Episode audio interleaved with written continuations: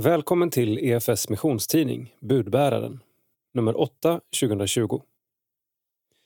På framsidan ser vi en leende man med rubriken Livslångt tjänande. Ulfs kärlek till Tanzania består. Övriga rubriker. Teologi. Baptist för barndop. Vittnesbörd. Tro, hot och efterföljelse.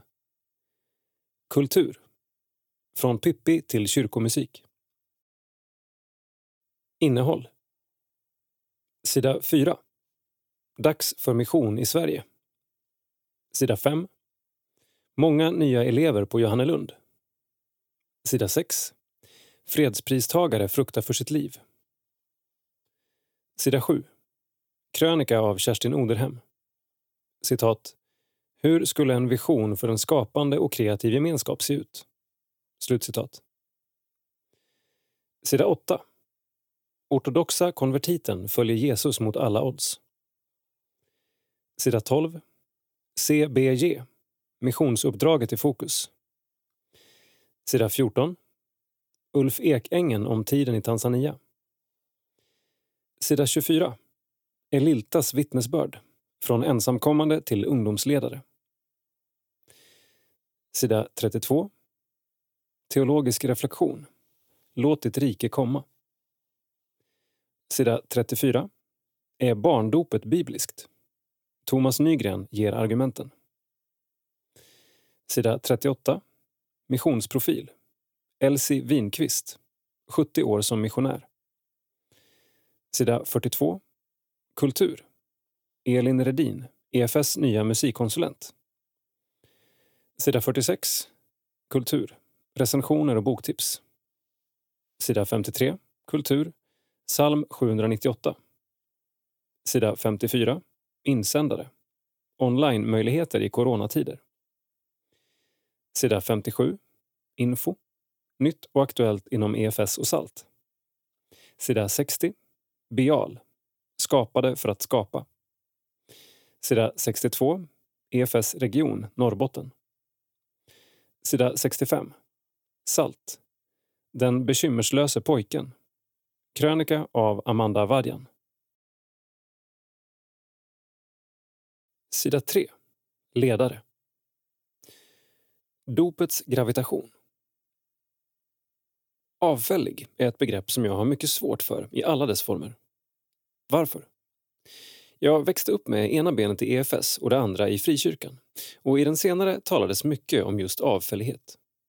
Oftast som ett epitet för en person som bekänt sig som kristen men som inte levde på rätt sätt utifrån den kristna bekännelsen eller i värsta fall rent av börjat ifrågasätta eller förneka tron.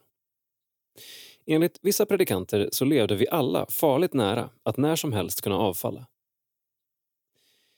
I kombination med undervisning om Jesu snara återkomst med tillhörande uppryckande blev det en riktig giftbägare.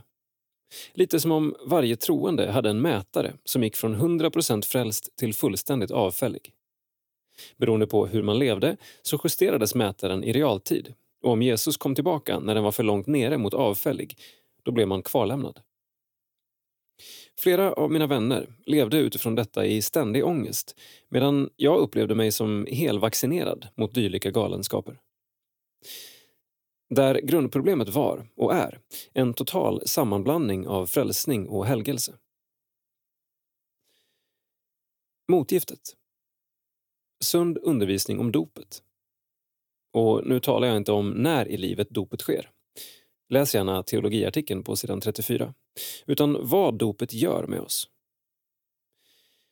Jag brukar använda bilden av att få ärva en fastighet. När du väl löst ut arvet och blivit fullt ut ägare till fastigheten så är den din. Oavsett hur du känner inför den, oavsett hur du sköter eller missköter den, så är den i juridisk mening din. Sedan kan den, om försummelsen går för långt, ställas under tvångsförvaltning och även till slut förverkas. Men vägen dit är lång och jag tänker alltid på Jesu liknelse om den förlorade sonen. Han löste ut hela sitt arv och förskingrade det men var fortfarande fullt ut älskad av sin far som väntade på honom med öppna armar. Det finns en gravitation i dopet som ständigt drar oss mot Gud. Och den är stark, samt verkar i våra liv, vare sig vi är medvetna om den eller inte. Låt oss ta hjälp av gravitationen och frimodigt predika evangelium. Till Kristi ära. Johan Eriksson, chefredaktör och ansvarig utgivare. Sida 4. Kortnytt. Den stora berättelsen. Angeläget tema för mission i Sverige som i år arrangeras på tre orter. Temat syftar på Guds handlande med världen och med människan. Om skapelsen, syndafallet och försoningen berättar Sara Nilsson Edström, församlingsherde i Gamla Uppsala. Det känns angeläget och behöver återupptäckas. Våra liv vilar i något större. Det är viktigt att vi påminns om det, särskilt nu i kristider när mycket i vår vanliga trygghet har rubbats. Sara ser konferensen som ett utmärkt tillfälle för präster, diakoner och församlingsmedarbetare att få egen påfyllning. Konferensen strävar att ge en teologisk fördjupning och inspiration på hur man kan gestalta berättelsen praktiskt. På grund av rådande restriktioner arrangeras årets konferens på tre olika platser och samlingarna är begränsade till 50 personer. Den 5 oktober hålls den i Lötenkyrkan i Uppsala. Vi försöker arrangera så smittsäkert som möjligt. Lötenkyrkan är en stor lokal där man kan sitta på avstånd, säger Sara. Hallå där, My Nygren, som är med i ledningsgruppen för konferensen Livsväg för unga vuxna. Hur blir årets upplägg? Vi kommer att följa Folkhälsomyndighetens rekommendationer gällande antalet deltagare. Men konferensen kommer att filmas och sändas live på EFS Play. Vad är årets tema? De goda nyheterna. Vi vill påminna oss om och fördjupa oss i vad Jesus har gjort och vad det kan innebära i våra liv. Sebastian Staxet kommer att medverka och i hans liv har Jesus gjort en drastisk förändring. Men även för dem som gått med Gud länge. Hur formas deras vardag av de goda nyheterna? Vad hoppas du att deltagarna får med sig? Framförallt att vi får vila i vissheten och påminnas om de goda nyheterna, men även fylla på med bra undervisning. Jag hoppas även att vi alla känner oss peppade att sprida vidare det Jesus har gjort till dem runt omkring oss. Förväntansfull terminstart. Johannelund välkomnade många nya elever. Ny är även Hanna Karlsten som vikarierar som studierektor under höstterminen på Johannelunds teologiska högskola. Jag har ju själv varit elev på Johannelund sedan 2014 och nu är det spännande att få komplettera studentperspektivet. Det känns som att jag kommit hem till gården och jobbar med familjen. Kollegorna här gör ett fantastiskt jobb. Det är väldigt inspirerande. Hanna har en bakgrund som missionär i Indien men har bott hemma i Sverige i åtta år. Att ta en paus från jobbet som gymnasielärare och hoppa in som studierektor i dessa speciella tider tycker hon är spännande. I och med corona har mångas framtidsplaner ändrats och därför har fler valt att studera än vanligt.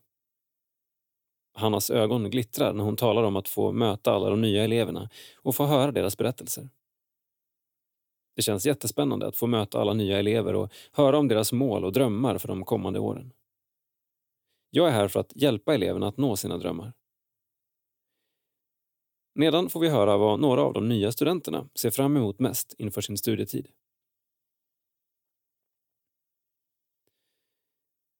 Johannes Bergner, 28 år, teologiskt introduktionsår. Att få djupdyka ordentligt ner i teologin. Jag har hobbymässigt studerat teologi över en kopp kaffe med vänner, men nu vill jag ge ett år för det. Tilda Henningsson, 23 år, teologiskt introduktionsår. Jag ser fram emot att fördjupa mig i Bibeln och den kristna tron. Hannes Westrin, 20 år. Integrerat prästprogram.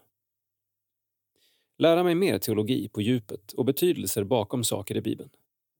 Även träffa nya människor och skapa nya band ser jag fram emot. Rut Danstål, 22 år. Teologiskt introduktionsår. Jag är här för kunskapen, men är också tacksam för att det verkar vara så bra gemenskap här mellan studenter.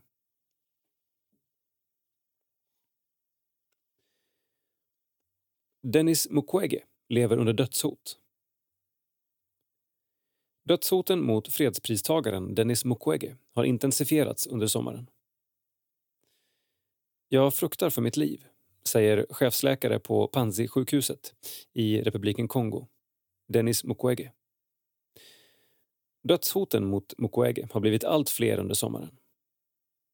Man målar upp honom som en fiende till folket, säger Niklas Lindgren, direktor i PMU, som är i regelbunden dialog med Mukwege.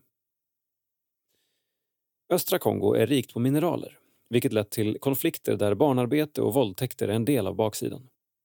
Mukwege, som vigt sitt liv till att stå upp för kongolesiska kvinnor som utsätts för sexuellt våld, har utmanat berörda parter med inflytande i hur mineralerna utvinns, vilket gjort honom till en måltavla.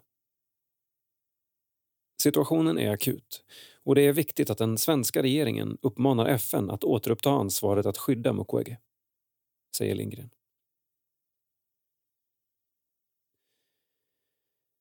Kyrkan versus corona. Informerande när Sveriges kristna råd mötte Folkhälsomyndigheten. Kyrkorna kommer aldrig att återgå till det gamla normala. Det var budskapet efter SKRs möte med Folkhälsomyndighetens generaldirektör Johan Carlsson. Rent konkret innebär detta att församlingar inte kommer kunna trängas på länge. Vi kanske måste vänja oss av med kramar, säger generalsekreterare Karin Wiborn, Sveriges kristna råd. SKR initierade ett möte med Folkhälsomyndigheten efter att ha känt ett slags otålighet från kyrkor i början av terminen. Tyvärr har trossamfund hamnat på undantag i kommunikationen som myndigheter har fört under coronapandemin. Samtalet var trots detta informerande, menar Karin Wiborn. Det var ett fint möte. Vi blev påminda om det bedömningsverktyg som Folkhälsomyndigheten har på sin hemsida. Den innehåller rekommendationer om riskbedömning och är till stor hjälp när församlingar ska säkerställa huruvida deras lokaler är coronasäkra eller inte. Kan kyrkorna få upp antalet mötesbesökare inom en snar framtid? Vi får se om undantaget från regeln om max 50 personer träder i kraft 1 oktober. Däremot tror jag att kyrkor med större lokaler, som har avvaktat för att de vill göra rätt, kan öppna upp för gudstjänstliv igen. Sen tycker jag att kyrkor kan våga vara frimodiga. Utan att slarva såklart.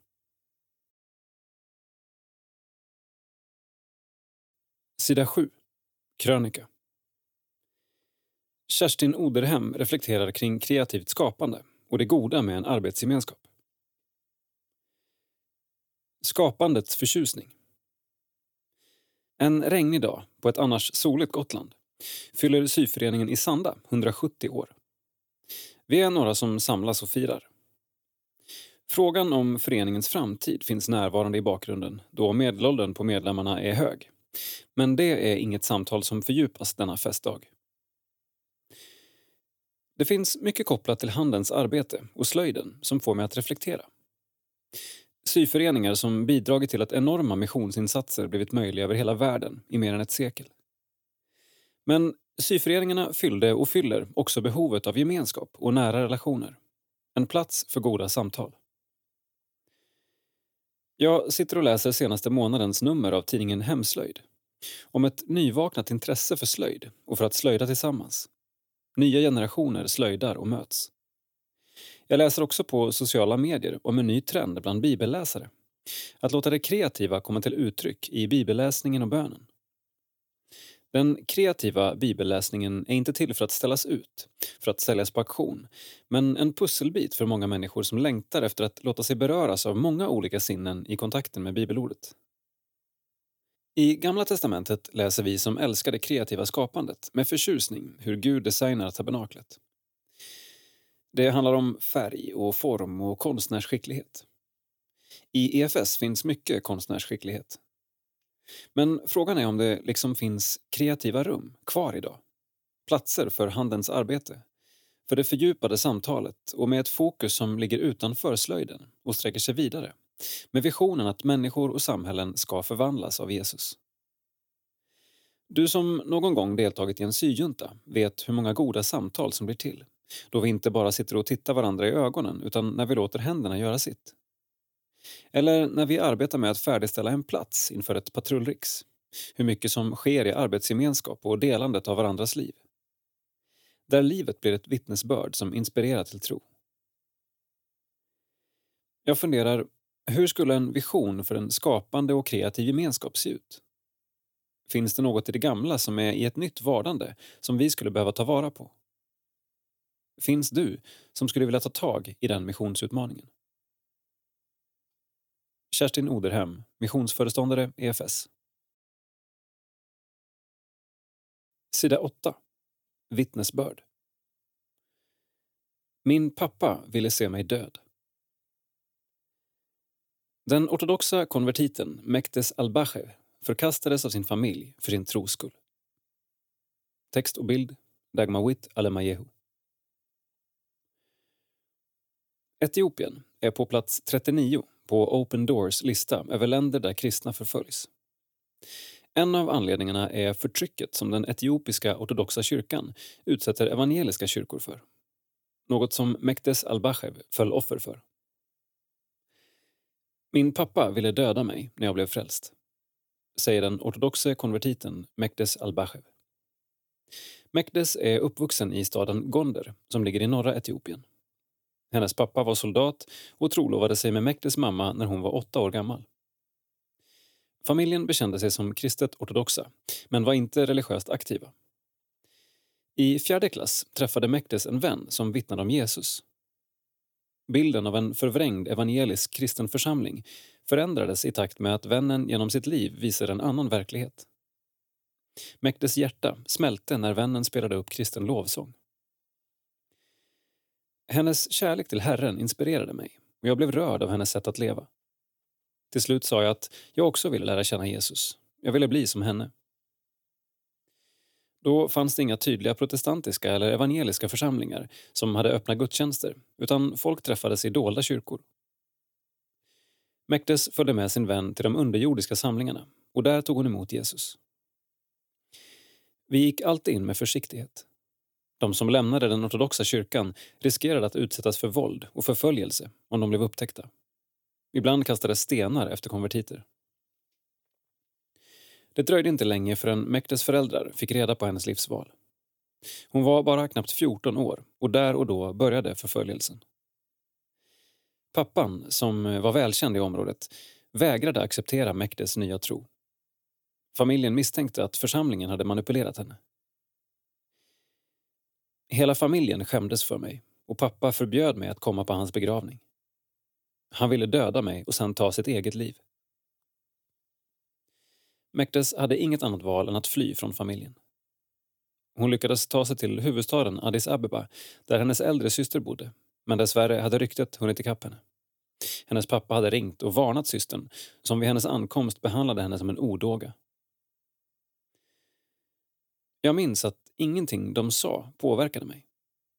Jag tänkte att om Jesus blev övergiven av sina egna lärjungar, piskad och slagen för mina synders skull, kunde jag genomlida förföljelse. I Matteusevangeliet 10 37-38 påminner Jesus sina lärjungar om hur ett offer kan se ut. Den som älskar sin far eller mor mer än mig är mig inte värdig och den som älskar sin son eller dotter mer än mig är mig inte värdig. Den som inte tar sitt kors och följer mig är mig inte värdig. Mektes citerar bibelordet medan tårarna faller nerför hennes kinder. Hon hamnade i en församling som hette Mollo Wengel som översatt till svenska betyder hela evangeliet. Församlingen tog emot henne med öppna armar och var villiga att bjuda hem henne som inneboende. Till hennes stora förvåning var hennes mamma släkting med i församlingen. Hon hette fru Alemito, hade en frisörsalong och en madrass som Mektis kunde sova på. Gud överlämnar ingen. Han tar alltid hand om dem som tror på honom. Oavsett vad som hände fäste hon blicken på Jesus. Inte ens döden skrämde henne. Evigheten var snarare en trygghet och drivkraft. När Mektes var 16 år började hon studera och stadga sig hemma hos fru Alemito men snart kom nästa utmaning som ett brev på posten. Hon förälskade sig i en man som hade konverterat från islam till kristendomen. Han hade ett arabiskt namn och kom från en främmande kultur. Mekdes kunde knappt kommunicera med honom men var fast besluten om att han var hennes framtida make. Trots att Mekdes inte hade försonats med sin familj ville hon respektera sina föräldrar genom att berätta om det planerade giftermålet. Hon ville klargöra att hon hade levt i kyskhet och att hon enligt etiopisk kultur och tradition skulle gifta sig i kyrkan. Så fort jag sa hans namn skällde de ut mig och hittade ännu ett fel. Jag kunde inte ens gifta mig med en man från samma kultur. Under mitt bröllop hade jag inga brudtärnor, men Gud fick vara, och har alltid varit, min pappa, mamma och min vän. Säger hon gråtandes. I talande stund har den nu 41 år gamla Mekdes och maken Abdi varit gifta i 20 år och har två barn tillsammans. Så sant som det var sagt förbjöds hon från att delta på sin pappas begravning. Men tröstade sina syskon över telefon ändå. När hennes mamma besöker henne idag äter hon aldrig kött i rädsla för att det ska bära med sig en förbannelse. Mekdes Albachev. Ålder 41 år. Sysselsättning hemmafru. Familj maken Abdi och två barn, 15 år och 12 år. Förföljelsens grundorsak. Enligt den internationella missionsorganisationen Open Doors utsätts kristna utan traditionell kristen bakgrund för svår förföljelse, både från regimen men också från den etiopiska ortodoxa kyrkan, EOC. Kristna konvertiter med muslimsk bakgrund, främst i landets sydöstra östra delar, möter allvarlig förföljelse av sina familjer och samhället. Det gäller även kristna som lämnar den ortodoxa kyrkan. På vissa platser i landet nekas kristna tillgång till samhällets resurser och eller utestängs från samhället. Så ser vi en bild från en ortodox procession med bildtexten den ortodoxa kyrkan är statskyrkan i Etiopien och har 35 miljoner medlemmar. Här en ceremoni i samband med firandet av trettonde dag jul. Sida 12. CBG. EFS växlar upp missionsuppdraget. Årets CBG vill möta katastrofer i EFS missionsländer och uppmuntra till mission. Den 26 september klockan 19.00 sänds EFS årliga insamlingskampanj, CBG, från Somalia för att uppmärksamma konsekvenserna av coronapandemin, gräshoppsinvasioner och naturkatastrofer. Somalia är ett område med lång EFS-anknytning. Det är ett folk som har drabbats hårt av konflikter och vi ser möjligheter att göra insatser och komma med hopp och framtidstro, säger EFS internationella missionssekreterare Erik Johansson. Årets CBG ger en unik inblick i vad EFS samarbetspartners gör på missionsfälten och hur missionsuppdraget tas vidare i Sverige och internationellt. I programmet träffar vi biståndsorganisationen Varsan i Somaliland. Här hotas flyktinglägren av smittspridning av corona. Gräshoppsinvasioner har lett till brist på mat och naturkatastrofer har drivit många människor på flykt ifrån sina hem i stora delar av östra Afrika. Grafiken till höger visar de insatser Varsan gör i sitt närområde. Etiopienmissionären Frida Tornell möter medarbetare inom Mekane Jesus humanitära biståndsorgan DASSC och Hope for Children. De berättar hur coronapandemin har påverkat samtliga av deras verksamheter. Matbrist, dyrare och en mer begränsad kollektivtrafik samt en pressad sjukvård är några av många utmaningar. Dessutom har 2018 års regeringsbyte skapat oroligheter i landet. I Tanzania besöker missionärerna Nora och Hannes Sandahl Nema Craft, en ideell organisation där majoriteten av de anställda har en funktionsvariation. Under pandemin har de sytt upp skyddsutrustning som sedan distribuerats till sjukhus och statens vårdcentraler. Det är en fråga om att rädda både fysiska och andliga liv. Vi ger nödhjälp, men också långsiktig hjälp. Vi kommer med evangelium till människor och det är livsviktigt, säger Erik Johansson. Varsan Relief Organization. Varsan betyder Ge mig goda nyheter. Organisationen grundades 2018 med stöd från EFS. Erbjuder sjukvård i form av en mobil klinik. Ger skolluncher till lågstadieelever. Informerar om coronaviruset till internflyktingar som lever i ett samhälle där social distansering är en utmaning. Distribuerar hygienartiklar till flyktingar. Delar ut sanitetsprodukter som vattenreningstabletter och handsprit, medicin samt tvål och vattentankar för att främja handtvätt. Ger utbildning för att sänka den höga analfabetismen och för att hjälpa utsatta familjer att bli mer självförsörjande. Understödjer statliga sjukhus, vilket minskat resurserna för organisationen. De flesta projekten bedrivs i några byar utanför staden Hargeisa i Somaliland. CBG sänds på efsplay.nu 26 september klockan 19.00. Hallå där, Dan Woodrow på EFS kommunikationsavdelning som reser till Hargeisa i Somalia för att rapportera om läget i landet. Varför sänds CBG ifrån Somalia i år? Vi vill rapportera direkt från missionsfältet där EFS gåvor förändrar liv. Sann kristen religion beskrivs i Jakobs brev 1.27.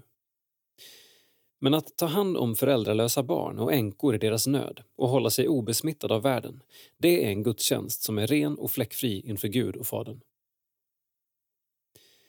Vad är dina förväntningar inför denna resa? Mina tidigare jobbrelaterade besök i afrikanska länder har varit livsförvandlande. Det är underbart att hjälpa människor att stå på sina egna ben och EFS samarbetsorganisation Varsan gör just det. Mitt hjärta brinner för att se att Afrika nås med budskapet om Jesus Kristus. Både genom evangelisation och humanitär hjälp. Vi har ett ansvar att visa Kristi kärlek, inte bara prata om den. Jag vill uppmuntra EFS att be, söka Herren och ge med ett generöst hjärta. Sida 14. Porträtt. Tillbaka till Afrika. I 28 år har EFS-missionären Ulf Ekängen kämpat för att stärka barns och kvinnors rättigheter i Tanzania. Som bonus fick han en stor familj på 24 fosterbarn och 35 barnbarn och blev masai. Så hur ska han överleva pensionärslivet i de värmländska skogarna? Text Marie Stark. Bild Rickard L Eriksson. Ryktet om hans pension tycks vara överdrivet. Åtminstone när man hör EFS-missionären Ulf Ekängens planer på att pendla mellan lägenheten i värmländska Munkfors och huset i Dodoma, huvudstaden i Tanzania. Ett land som varit hans hem sedan många år. Först kom han till en by i södra Tanzania med höga berg och prunkande grönska.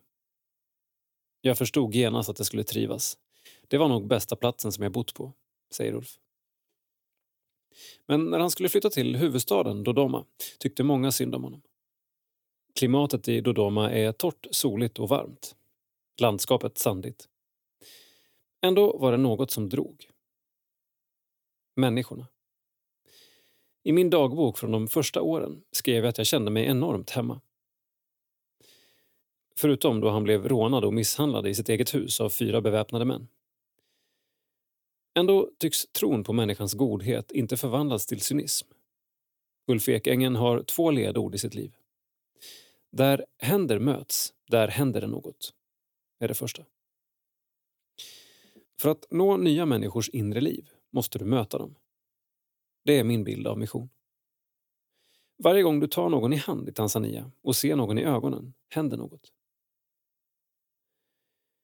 Det andra ledordet lyder I de mörkaste hålen hittar du de finaste ädelstenarna. När jag mötte Alais, mitt första fosterbarn, låg han på en kohud under ett träd, hade kräkts och var skitig. Men oj, vilken ädelsten han är. Att möta mina första fosterbarn har totalt förändrat mitt liv. Egentligen var det kristendomsarbetet på skolorna och i söndagsskolan som han först kallades att arbeta med.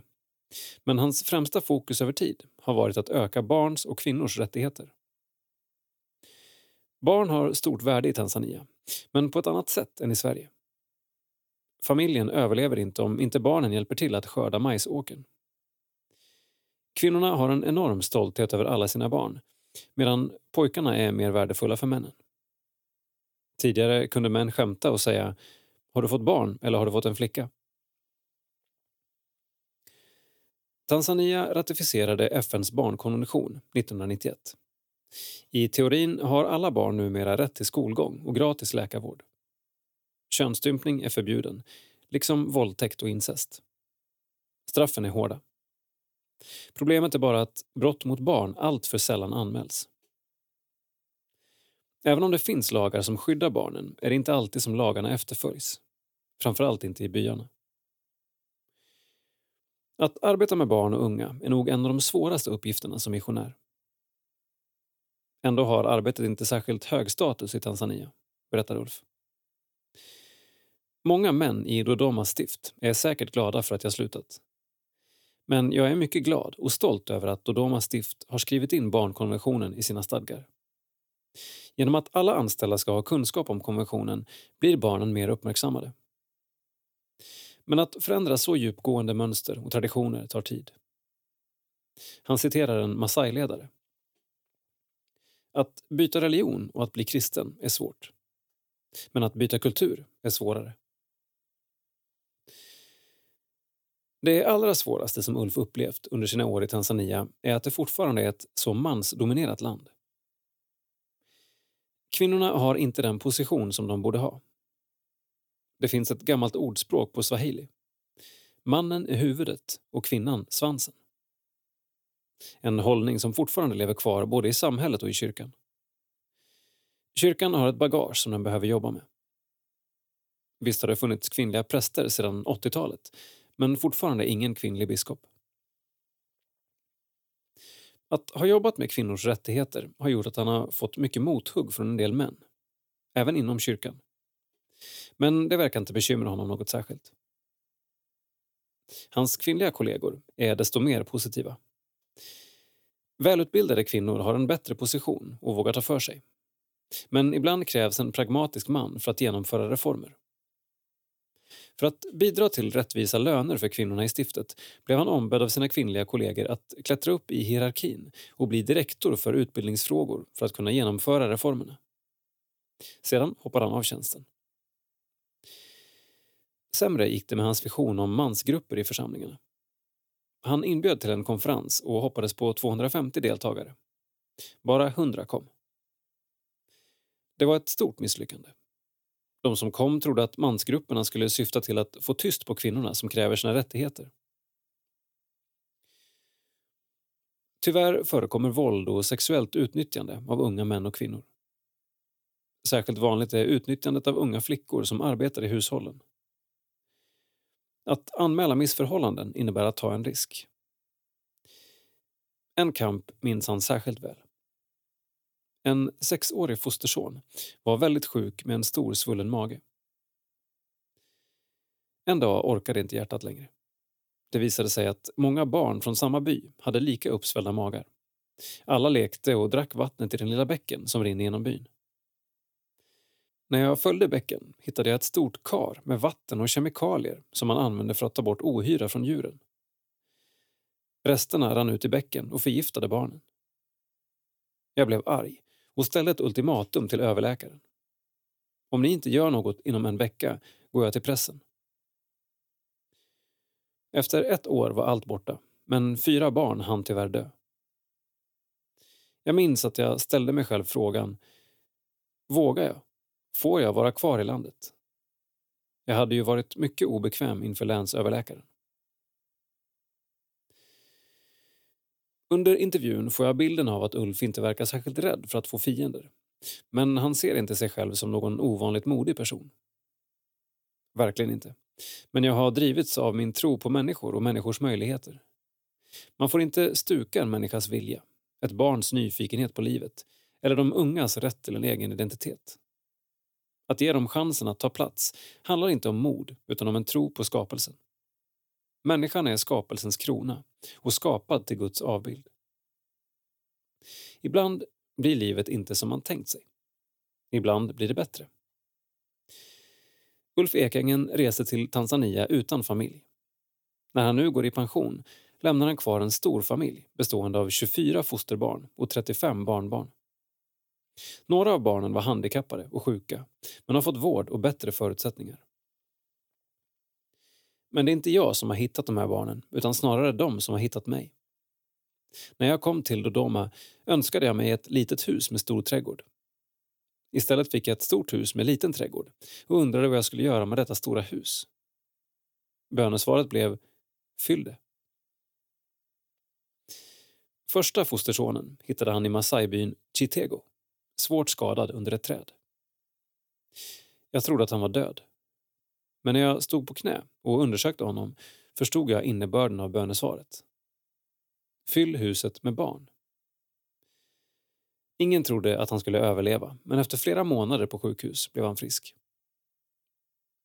På sjukhuset sa den biologiska pappan till Ulf Ekängen att Alais nu var hans son.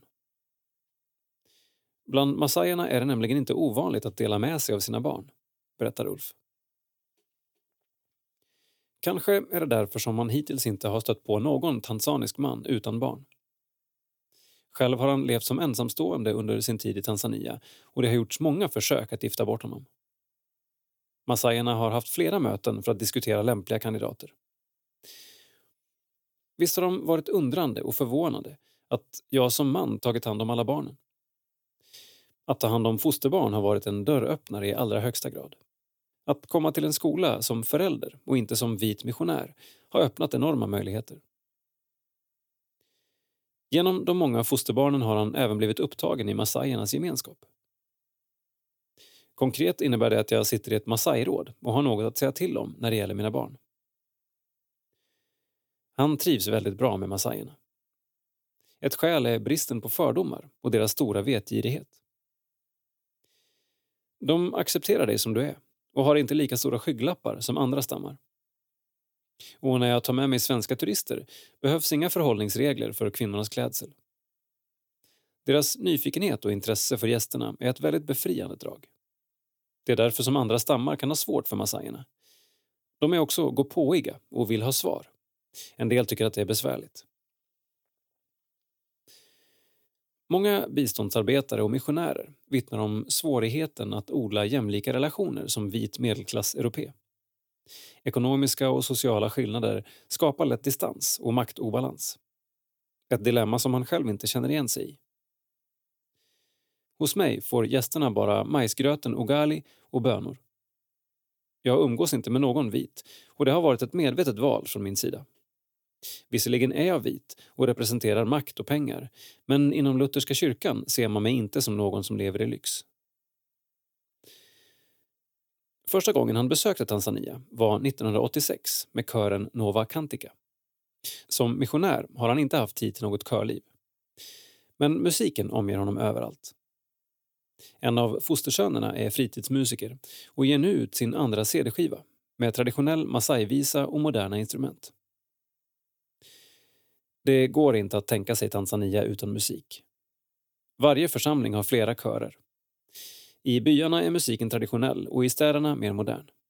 Men alla kan sjunga. Kanske inte i våra öron, men de sjunger ändå. Även muslimerna har numera både körer och band. Någon körmusik blev det tyvärr inte på avtackningen i Dodoma på grund av coronapandemin. Däremot andra gåvor som satt sina spår. När jag skulle resa hem hade jag bett om att bara ha en avtackning eftersom jag inte gillar att stå i centrum. Istället blev jag avtackad 27 dagar i följd. Människor kom hem till mig med mat och vissa dagar kom det flera besök. Jag gick upp fem kilo. När han nu efter ett livslångt tjänande går i välförtjänt pension är frågan om pensionärslivet i Sverige kommer att fungera för Ulf. Svaret är tydligt. Nej. Min kropp är visserligen i Sverige, men själen i Tanzania. Barnen finns ju kvar, så i den mån jag har råd kommer jag att tillbringa mycket tid där. Även om värmlänningar verkar glada och lätta så är de inte alls lika öppna. På något sätt kommer jag ha kvar Tanzania. Kontrasten från livet i det lilla samhället Munkfors till livet i storfamilj och huvudstad i Tanzania riskerar också att bli stor. Jag har egentligen ett stort behov av ensamhet men sedan jag kom till Tanzania har jag sällan sovit ensam i mitt hus. Som mest har vi varit 15 personer. Att flytta till Sverige kommer bli en stor omställning. För första gången har jag ingen mer att göra te till. Ulf Ekängen Uppväxt i värmländska Hammarö. Bor lägenhet i Munkfors och hus i Dodoma, Tanzania. Familj 24 fosterbarn, 35 barnbarn. Gör nybliven pensionär efter 28 år som utbildningsdirektor med fokus på barns och kvinnors rättigheter i Dodoma stift, Tanzania. Intressen musik, litteratur, trädgård och att samla på människor. Milstolpar 1987 Åker till Kidugala för att arbeta för missionärsbarn i två år. 1989 blir tillfrågad att resa ut igen. 1997 kommer i kontakt med massajerna och hittar sin första fosterson. 2006 Fördomar bryts ner under en nationell barnkonventionskonferens. 2009 Fosterpojken Dahani, 6 år, insjuknar och dör i Ulfs vardagsrum. 2015 en ngariba, en kvinna som utför könsstympning av flickorna bland massajer, slutar att utföra detta efter inre övertygelse. Sida 24. Tema relationer. Elilta Tekeste är ensamkommande flykting från Eritrea men vägrar att leva som ett offer för sina omständigheter. Idag är hon en av ungdomsledarna i EFS-föreningen Betlehemskyrkans tigrinjatalande grupp. Med budbäraren talar hon om Guds plan för de tusentals flyktingar och asylsökande som har flytt till Sverige de senaste åren. Brinner för att berätta. Elilta når ut med evangeliet. Text Dagmawit Alemayehu. Bild Rickard L Eriksson. Det är en av Stockholms varmaste sommardagar och den eritreanska gruppens tigrinjatalande ungdomsgäng från Betlehemskyrkan träffas på en av stadens finare takterrasser på Rensgatan. Det är första gången de möts efter att coronapandemin bröt ut i våras. Och två av ungdomsledarna, Elilta Tekeste och Kibriab Sebhatu, har en nyhet att dela. Vi ska gifta oss, säger Elilta Tekeste. Elilta och Kibriab, som är anställda av EFS som ungdomsledare för den tigrinja-talande ungdomsgruppen fram till oktober, har tillsammans med ett par andra eldsjälar varit med och format ungdomsverksamheten i Betlehemskyrkan sedan starten 2016. De utmärker sig som tydliga ledare, även under den avslappnade förlovningsfesten. Elilta ser till att samtliga 20-tal gäster välkomnas vid entrén och att de sedan har sina glas fyllda med läsk där de sitter runt de rektangulära borden. Tjejerna på ena sidan och killarna på den andra. Hur ska vi kunna lära känna varandra när vi sitter så här långt ifrån varandra? Skojar Hermon, en av de unga vuxna tjejerna. Samtalsämnet är, inte helt opassande, relationer. Beteenden, fördomar, kulturkrockar och förväntningar av föräldrar diskuteras med fnitter och backas upp med Bibeln som auktoritet. Elilta är glad att hon framöver kommer att slippa höra mammas tjat om att det är dags att stadga sig nu, hela vägen från Eritrea. Ungdomarna pendlar obehindrat mellan tigrinja, engelska och svenska. Allra helst talar de dock tigrinja. Förutom att de delar samma språk, kultur och tro finns det en avgörande gemensam nämnare som sammansvetsar gruppen. Samtliga ungdomar är ensamkommande flyktingar från Eritrea. När Elilta reflekterar tillbaka på sin egen resa från Eritrea för 11 år sedan skulle hon aldrig kunna föreställa sig att livet skulle bli så bra som det faktiskt blev. Gud har gjort det omöjliga möjligt, säger hon. Och det krävs att Elilta backar bandet för att djupet, vemodet och modet i hennes vittnesbörd ska framgå. Som 17-åring höll hon på att förlora synen i vänstra ögat. Läkarna i Asmara, Eritreas huvudstad, saknade verktyg att utföra ett ingrepp vid tillfället och skrev ett läkarintyg med godkännande för en operation utomlands. Utifrån Eritreas restriktiva passpolicy att döma var läkarintyget ett mirakel i sig. 2009 bar det av till Kenya och Elilta berättar att hon hade en obehaglig känsla av att det skulle dröja innan hon kunde återförenas med familj och vänner. Det var inte mitt val att flytta till Sverige. Det bara blev så, konstaterar hon. Efter den lyckade operationen gick nämligen allt väldigt fort. Det blev en öppning att resa till Sverige som hon inte kunde tacka nej till då det skulle ge chansen till en bättre och tryggare framtid. Bakom sig lämnade hon familjen som bestod av pappa, präst i den evangeliska lutherska församlingen i Eritrea, mamma och fem syskon. För att inte tala om vänner, skolan, kyrkan och kulturen. Men Sverige var inte helt främmande för henne. Djupt inne låg en förväntan om att de svenska missionärernas nation skulle leva upp till ryktet om att vara ett ultrakristet land. Bilden sprack dock när hon möttes av tjejer som rökte. Höjden av skambelagt för kristna i Eritrea. I ett vintermörkt, snötäckt och kyligt Stockholm. Elilta placerades på ett ungdomshem för flyktingar på Medborgarplatsen innan hon fick ett eget boende på Fridhemsplan via Stadsmissionen.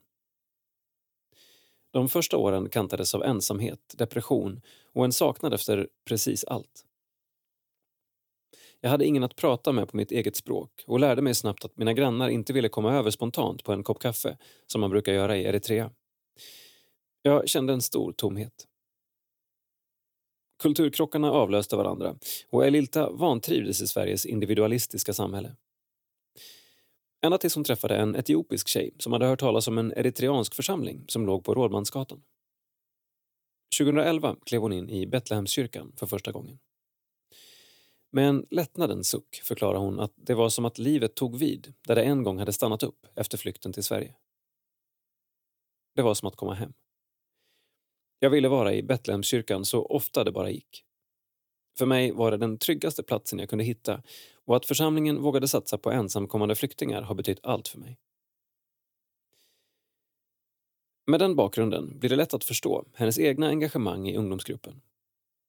Så småningom blev Elilta aktiv i församlingsarbetet och 2015 skulle ett gäng konfirmera sig. Efter konfirmationen ville de upprätthålla bibelstudierna och så formades kyrkans tigrinjatalande ungdomsverksamhet. Det är alltså bland andra dessa konfirmander som idag har samlats för att fira Elilta och Kibriabs förlovning. Vi är inte bara ett ungdomsgäng, vi är som syskon, säger Elilta. De träffas på lördagar i Betlehemskyrkan och studerar Bibeln, ber och lovprisar Gud tillsammans. Det som började 2016 med återhållsamma och ytliga diskussioner har utvecklats till djupa samtal kring ordet. En av höjdpunkterna var när ungdomsgruppen arrangerade en internationell ungdomskonferens 2018. Ungdomar från Sverige, Tyskland, Norge och London samlades på EFS-gården Åkerögården, numera såld, och hade bjudit in talaren David Bokre, huvudpastor på Good Shepherd Lutheran Church i Kalifornien, USA. När den tigrinjatalande ungdomsverksamheten blev självgående ville de även hjälpa de svensktalande eritreanska ungdomarna, som fallit mellan stolarna, att starta en grupp. Det började med alfakurser med ledning av Sofia Svensson som då var församlingskonsulent i Betlehemskyrkan. Syftet med bägge grupperna var att ungdomarna skulle etablera en personlig relation med Gud. Fyra år senare, med kött på benen och en mer fördjupad bibelkunskap, är de idag redo att ge vidare, upplever Elilta. Det är en längtan jag har. Missionärerna från Sverige var i Eritrea och delade evangeliet. Nu är det vårt ansvar att nå det svenska folket genom att evangelisera tillbaka. Jag tror att det är en del av Guds plan att vi som eritreaner hamnade i Sverige. Det förflutna är dock alltid lättare att uttyda och förstå sig på när man ser tillbaka i backspegeln, erkänner Elilta. Precis som för henne väntar en helande process för vissa av ungdomarna som har börjat etablera sig i Sverige. Vissa har ännu bara tillbringat två år i landet och bär på tunga bagage. Flykten från hemlandet kräver ofta en lång och smärtsam helande process. På grund av situationen i Eritrea har många tvingats lämna landet. Men flykten till trots är eritreaner i exil splittrade i synen på läget i landet. Det är svårt att gå in på djupet i den diskussionen, medger Elilta. Det rör sig om en hel generation som har flytt på grund av diverse situationer. både individer och hela familjer som har påverkats på ett eller annat sätt. Man har starka åsikter om varför saker och ting är som de är. Vi pratar vidare om generationer, om att ta över stafettpinnen från de äldste i församlingen som har gått före. Gud har en enskild plan för varje generation. Vi var tvungna att integreras med andra kulturer på ett sätt som den äldre generationen inte behövde i samma utsträckning. Därför kan vi också nå de arenorna som de inte släpptes in i. Skolan och kulturlivet till exempel. Vi talar både svenska och tigrinja, så jag tror att det kommer bli en multikulturell församling i framtiden. Men innan församlingen blir ett med de hundratals kulturerna som finns representerade i Sverige ska Elilta och Kibriab bli ett. I slutet av september blir de vigda av församlingens herde, Fetsum Natnael. I ett av budbärarens tidigare nummer uttryckte Fetsum sin längtan efter väckelse. Om Elilta får representera den generationen av fackelbärare som Fetsum talade om är framtidsvisionen i goda händer. Elilta Tekeste. Ålder 28 år. Bor Märsta. Sysselsättning. Arbetar som skiftledare på Scandic Alvik och är en av ledarna i eritreanska gruppen i Betlehemskyrkans tigrinjatalande ungdomsverksamhet. Familj. Mamma och pappa i Eritrea. Fem syskon i Eritrea och i Europa. Snart gift med Kibriab Sebhatu. Hobby. Spela tvärflöjt och lyssna på lovsång. Drömmer om att många unga ska få höra om Jesus. Lägg allt du gör i Herrens hand, så kommer dina planer att lyckas. Ordspråksboken 16 och 3. Sida 32. Teologisk reflektion. Låt ditt rike komma. Låt din vilja ske. Hur ska vi kristna förhålla oss till den omgivande kulturen? De bibliska författarna ger oss en väg att gå på. Förvandlingens väg. Text Kristoffer Abrahamsson. Illustration Benjamin Kruse. Det har funnits tider när kyrkan anpassat sitt budskap och liv efter den omgivande kulturen. I längtan efter att vara socialt accepterad tonas budskap som riskerar att störa den trevliga stämningen ner. Istället för att vara en profetisk röst rabblar hon mest upp det som alla i samtiden redan säger. Anpassningens väg är den långsamma sekulariseringens väg. Tron urvattnas och blir harmlös. Vi formas inte längre till att bli Guds avbilder utan blir snarare mer och mer samtidens avbilder. Oavsett om det är en lyckad karriär eller politisk korrekthet som eftersträvas. Som en motreaktion till detta har andra valt att ta avstånd från världen. Inställningen till omgivningen är då fientlig. Världen blir svartvit och människor delas upp i vi och dem. Av rädsla för att bli nersmutsad av omgivningen har kristna sökt sig långt bort från de andra i hopp om att bevara tron. Kyrkan blir då ett andligt getto där kristna försöker jämföra sin radikalitet och hängivenhet med varandra. Och så småningom växer också ett subtilt förakt för de människor som brottats med livets verkligheter fram. Hos Jesus anar vi en annan väg utpekad för oss. Jesus vill inte att vi ska bli som världen eller ta oss ut ur världen utan snarare ta världen ut ur våra hjärtan. Jesus ber Jag ber inte att du ska ta dem ut ur världen utan att du ska bevara dem för det onda. Johannes 17 och 15. Världen åsyftar då inte den goda skapelsen utan det system och de destruktiva makter som motarbetar Guds vilja. Den väg Jesus och de bibliska författarna pekar ut för oss kan kanske kallas för förvandlingens väg. Budskapet lyder Låt er förnyas så att jorden kan förvandlas. Vi märker det nog som allra tydligast i hur Israels folk uppmanas att leva i den babyloniska fångenskapen. Israels folk lever i ett främmande land som gäster och främlingar.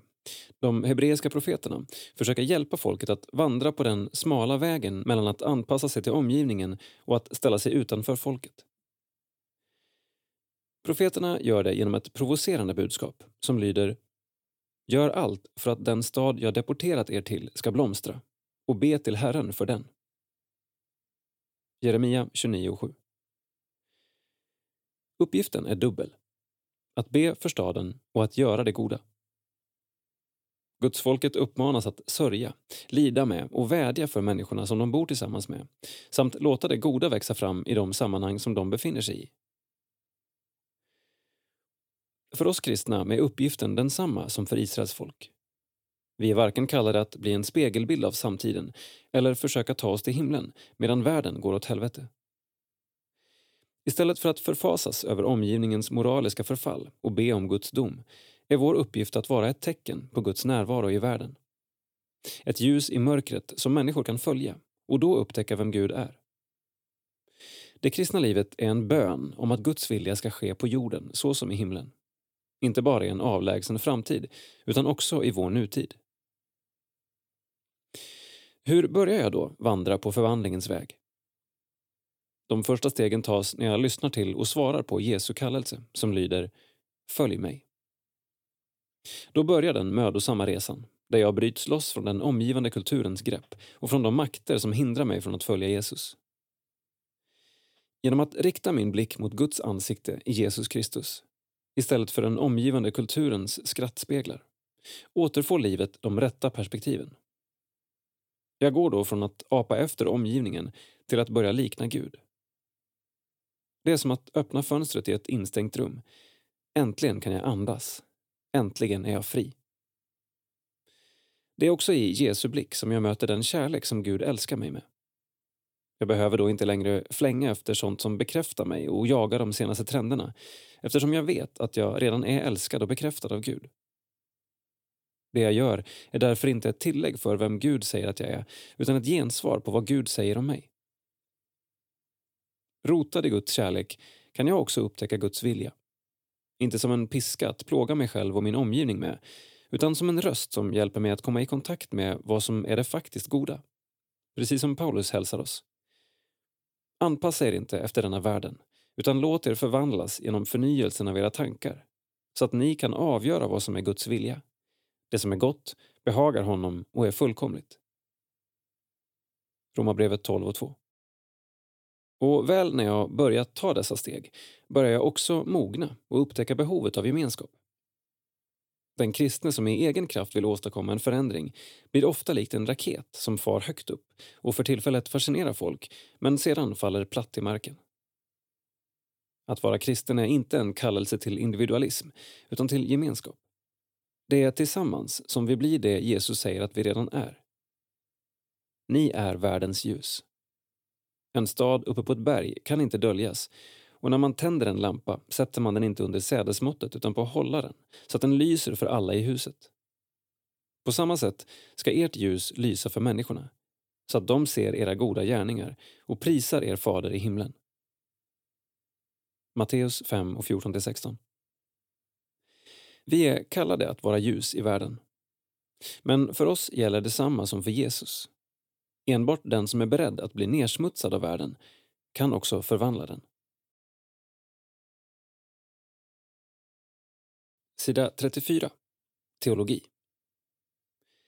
En baptists argument för barndop. Går det att argumentera för barndopets giltighet på ett hållbart sätt utifrån Bibeln? Inte ett enda barndop finns ju direkt beskrivet i hela Nya testamentet. Har inte en baptistisk dopsyn alla uppenbara starka bibelargument på sin sida? Thomas Nygren tar oss igenom frågeställningarna kring barndop. Text Thomas Nygren. Illustration Benjamin Kruse. Även om dopfrågan idag inte alls är lika laddad som för 50 år sedan dyker den fortfarande upp nu och då. Både i den kristna pressen och i enskilda kristnas liv. En av de intressantaste böckerna i det nutida samtalet om dopet har titeln It takes a church to baptize 2018 och är skriven av en i vår samtid mycket aktad och produktiv bibelforskare, Scott McKnight. Han är uppvuxen som baptist, har haft en baptistisk dopsyn under större delen av sitt liv och är verksam som professor i Nya testamentet vid Northern Baptist Theological Seminary i USA. Genom boken vill han visa att det är fullt legitimt och bibliskt att döpa spädbarn. Lite oväntat av en gammal baptist som McKnight. Vad har då gjort att McKnight bytt ståndpunkt i dopfrågan? Det är givetvis som alltid en mängd olika faktorer som samverkat. Han beskriver sin personliga resa i ett av bokens kapitel. De viktigaste och mest avgörande för honom har ändå varit bibelargumenten, där han i korthet lyfter fram följande. Grundläggande är att vi förenas med Kristus i dopet. Romarbrevet 6 och Kolosserbrevet 2 talar om dopet i termer av den döptes förening med Jesu död och uppståndelse. Den döpte får därmed ett nytt liv. Dopet sker dessutom i Jesu namn, förutom Faderns och Andens namn. Matteus 28 och 19. När något sker i någons namn innebär det i relation med och i förening med den personen. I dopet tar vi emot Anden och tas emot i kyrkan. Apostlagärningarna 2.38 talar om hur Anden ges i dopet. Kopplingen mellan dopet och Anden finns även på många andra ställen. Se till exempel Johannes evangelium 3 och 5 och Första Korintierbrevet 12 och 13. Som sammanhanget i Korintierbrevet visar hör dopet och anden även ihop med infogandet i Kristi kropp, församlingen. I dopet ges syndernas förlåtelse och upprättelse. Dopet förknippas med syndernas förlåtelse på många ställen i Nya testamentet. Se till exempel Apostlagärningarna 2.38, 22.16 och Hebreerbrevet 10.22. Dessa tre stora teman, förening med Jesus Kristus, mottagande av Anden samt förlåtelse och upprättelse, är enligt McKnight det viktigaste som Nya testamentet lyfter fram om dopets innehåll.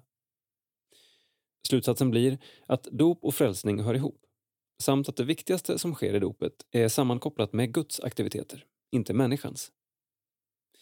Dessa teman säger dock i sig inte något om dopets tidpunkt. McKnight fortsätter sin genomgång med några bibelsammanhang som han menar talar för att barndopet praktiserades redan från början i urkyrkan. Ett starkt argument för honom är förbundstankens utformning i Bibeln. I förbunden i Bibeln innefattas alltid hela familjer, gemenskaper och folk. Även barnen innesluts i förbunden. I Abrahams förbund infogades även hans familj och barn. I Nya testamentet beskrivs hur hela hushåll går in i det nya förbundet genom dopet. Hushåll var en vid term som infattade alla i en stor familj, även eventuella tjänare och slavar med familjer. Det normala i alla sammanhang var att man räknade familjen som ett kollektiv som hörde ihop. Det som skedde med familjens överhuvud innefattade alla i hushållet. McKnight menar att när det talas om att någon döptes med hela sitt hus är det ytterst osannolikt att det inte fanns barn med i bilden. Och om dopet inte skulle ha omfattat barnen borde det ha synts i beskrivningarna. Några sådana undantagsbeskrivningar finns dock inte på något enda ställe i Nya testamentet där dop av hushåll och familjer beskrivs. Apostlagärningarna 16 och 5, 16 och 30-31, 18 och 8. Även antytt familjedop i 10 och 47-48. Och Första Korinthierbrevet 1 och 16. Han nämner även ett citat från kyrkofadern Origenes som i sin kommentar till Romarbrevet skrev Kyrkan mottog från apostlarna traditionen att även ge dopet till spädbarn. Detta väcker frågan om relationen mellan tro och dop. Med den baptistiska bakgrund McKnight har är detta en viktig fråga att utreda. Han kommer fram till att trons sammanhang är viktigt i dopet men att det är kollektivet, familjen och kyrkan som bär fram barnet i tro. Så fungerade det i Abrahams förbund när nyfödda pojkar omskars.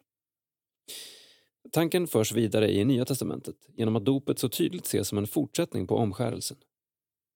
Kolosserbrevet 2.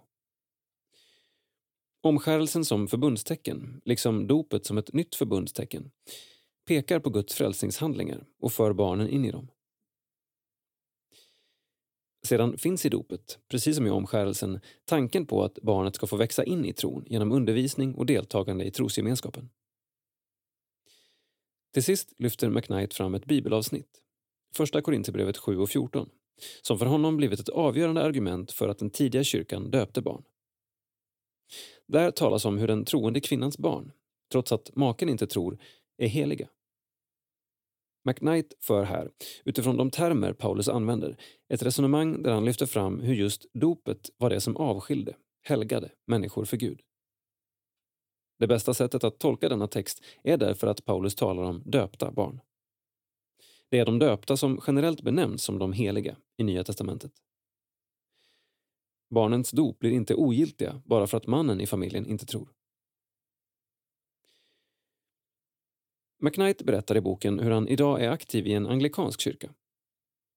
Samtidigt som han bejakar barndopet och älskar den liturgi som används vid dop av barn har han fortsatt stor respekt för baptistiska sammanhang.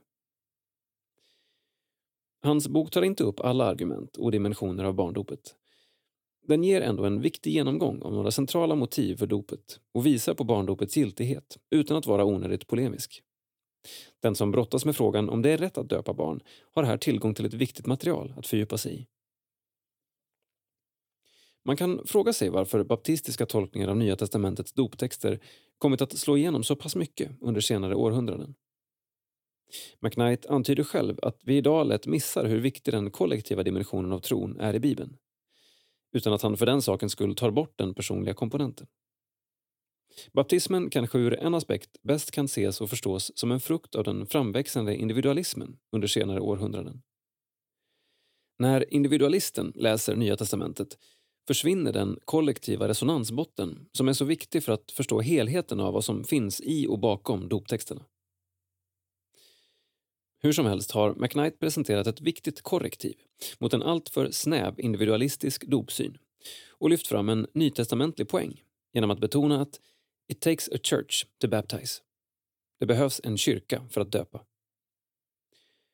Detta menar jag även är en påminnelse för oss som tillhör barndöpande kyrkor att så långt som möjligt låta dopen ske i de ordinarie gudstjänsterna med församlingen närvarande och inte enbart i små, närmast privata sammankomster.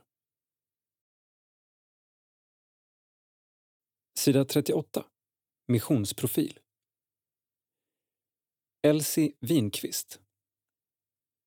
Elsie Winqvist verkade som missionär i fler än 70 av sina 94 levnadsår och är med det en av de EFS-missionärer som varit längst i tjänst. Text Martin Nilsson. Bild EFS arkiv. Att beskriva Elsie Winqvists rika liv i en enstaka artikel är en omöjlighet. Läs boken Under heligt tvång om du vill ta del av hennes egen livsberättelse. Elsie föddes i Budapest i Ungern 4 september 1863. Föräldrarna var Daniel och Franziska Hefter. Hon gifte sig med pastorn och läkaren Karl Winqvist 1883 och sista december samma år kom de till Monkullo i Eritrea. När Elsie var 21 år, 1885, födde hon sonen Bertil. 1888 föddes Gordon, 1895 Elisabeth och när hon var 42 år, 1906, föddes Margareta.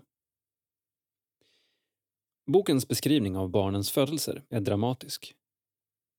Våndan för Elsie att lämna kvar dem i Sverige vid återresa efter hemvistelsen är ofattbar. Till och med 1895 arbetade Karl och Elsie i Moncolo. Det var hårda och ohälsosamt varma år. 1897 flyttades verksamheten till Bellesa där Karl var läkare till sin död 6 december 1909. Men han deltog även i bibelöversättningsprojektet att översätta Bibeln till tigrinja. Elsie var inte bara lärare. Hon drevs även av passionen att förmedla Guds ord till folken i Eritrea och var Karl behjälplig i bibelöversättningsarbetet. Strax före Karls död blev Nya testamentet färdigtryckt på missionens tryckeri i Asmara. Elsie blev hemma i Sverige under 20 år av olika anledningar och först 1929 reste hon ut för att delta i revisionen av Gamla testamentet som under tiden blivit översatt av de inhemska medarbetarna.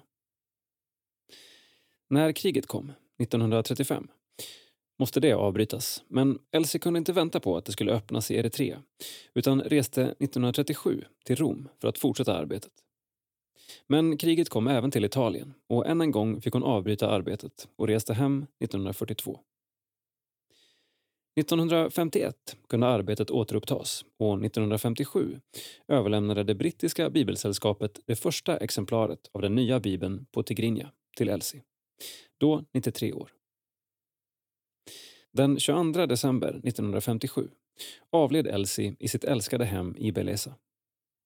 Det var en stor tacksägelse över hennes liv och många följde kistan till kyrkogården i Beleza, där maken Karl vilade. Vid graven hade många från bygden anslutit för att ta farväl. På trettonde dagen 1958, bara några dagar efter Elsies död, sändes ett minnesprogram om Elsie på engelska BBC. Filmen var sammanställd av upptagningar ur journalfilmer under årens lopp samt en inspelning i Asmara året före.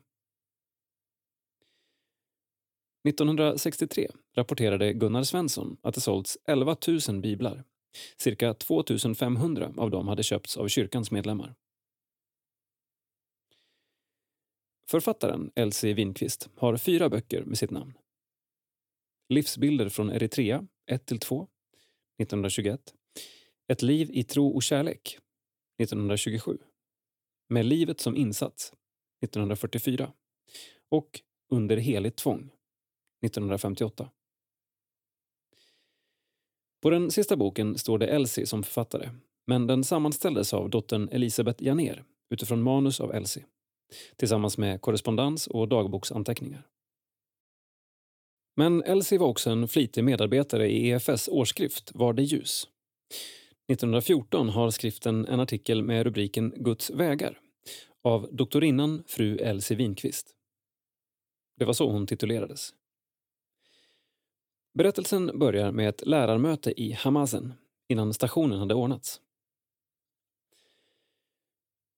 Vi vore församlade i den rymliga, grästäckta runda hyddan som tills vidare fick tjäna till gudstjänst och samlingslokal. Där satt en skara svenska missionärer med sina abessinska medhjälpare, evangelister och lärare. Somliga sutto på den låga, längs hela väggen uppmurade bänken, de andra på palmmattor som vore utbredda över lergolvet. För att få ljus och luft hade dörren öppnats på vid gavel. Detta tycktes dock av några åsnor uppfattas som en inbjudning.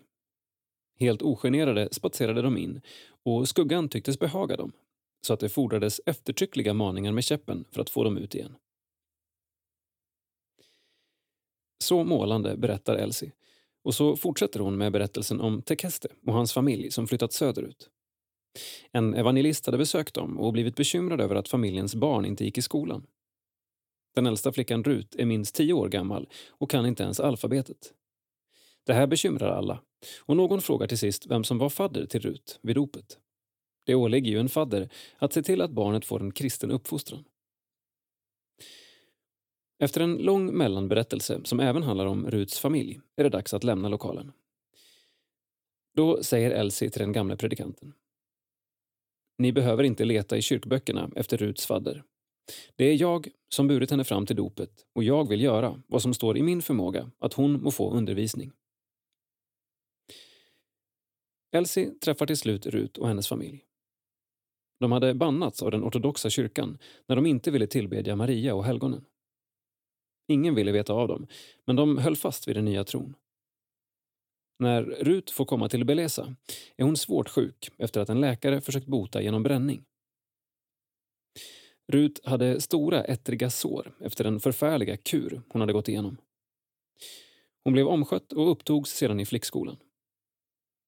Där satt den lilla krymplingen bland småbarnen och lärde sig stava. Men det gick fort framåt. Snart fick hon flytta upp till högre klass. Rut blir ett föredöme för barnen. Konfirmeras, men återhämtar sig aldrig. Så ser vi en bild på en sluttning med ett hus längst upp och en massa skolbarn utspridda över sluttningen. Med bildtexten Belessa missionsstation 1908. Skolbarnen står uppställda i backen. Sedan en bild på ett sammanträde med bildtexten Elsie var med i kommittén som reviderade Nya testamentet på Tigrinja. Här syns hon skymd till höger. Årtalet är 1933. Sedan en bild på ett tryckeri. Tryckeriet i Asmara med föreståndaren Enrico Coison stående till höger. Det flyttades från Massawa till Asmara år 1900. Sedan en bild på Elsie sittandes vid ett bord omringad av blommor och foton. Med texten Elsie på sin 70-årsdag. Sida 42. Kultur. Längtar efter att få se EFS musikliv blomstra. Elin Redin hoppas kunna framhäva missionsrörelsens musikaliska identitet. EFS musikaliska bredd sträcker sig från blåsorkestrar och kyrkokörer till traditionell psalmsång i ren luthersk anda. I EFS lyfter man gärna fram vårt musikaliska arv. Musiken är identitetsbärare och viktigt för att känna stolthet över vår egen rörelse, säger Elin Redin, nyanställd musikkonsulent i EFS. Tjänsten tog fart i januari tidigare i år men på grund av coronapandemin har det hittills varit en termin av att sondera läget, be och fundera över vad som är nästa steg för rörelsen och hur EFS musikarbete kan utvecklas. Jag längtar efter att få ge ut musik. Vi har en enorm kulturhistoria och jag lyfter gärna fram den. Man pratar mycket om Lina Sandell och Oskar Arnfelt som har varit med och format rörelsen på så många sätt. Men det måste finnas en blick framåt. Hur låter rörelsen idag? Det finns inte bara ett svar på det, utan fler. Samtidigt ser hon en enorm skatt i psalmsången. Det blir också det första steget i att förverkliga drömmen om EFS egenutgivna musik. Att arbeta fram nya arrangemang av psalmer. Visionen är att de tidlösa texterna ska få nytt liv med nya tondräkter. Musiken ligger Elin varmt om hjärtat och har så gjort sedan unga dagar. Till en början som en ambition om en artistkarriär, under senare år som en längtan att stötta musiker bakom kulisserna. Inte minst de som växer upp i församlingen.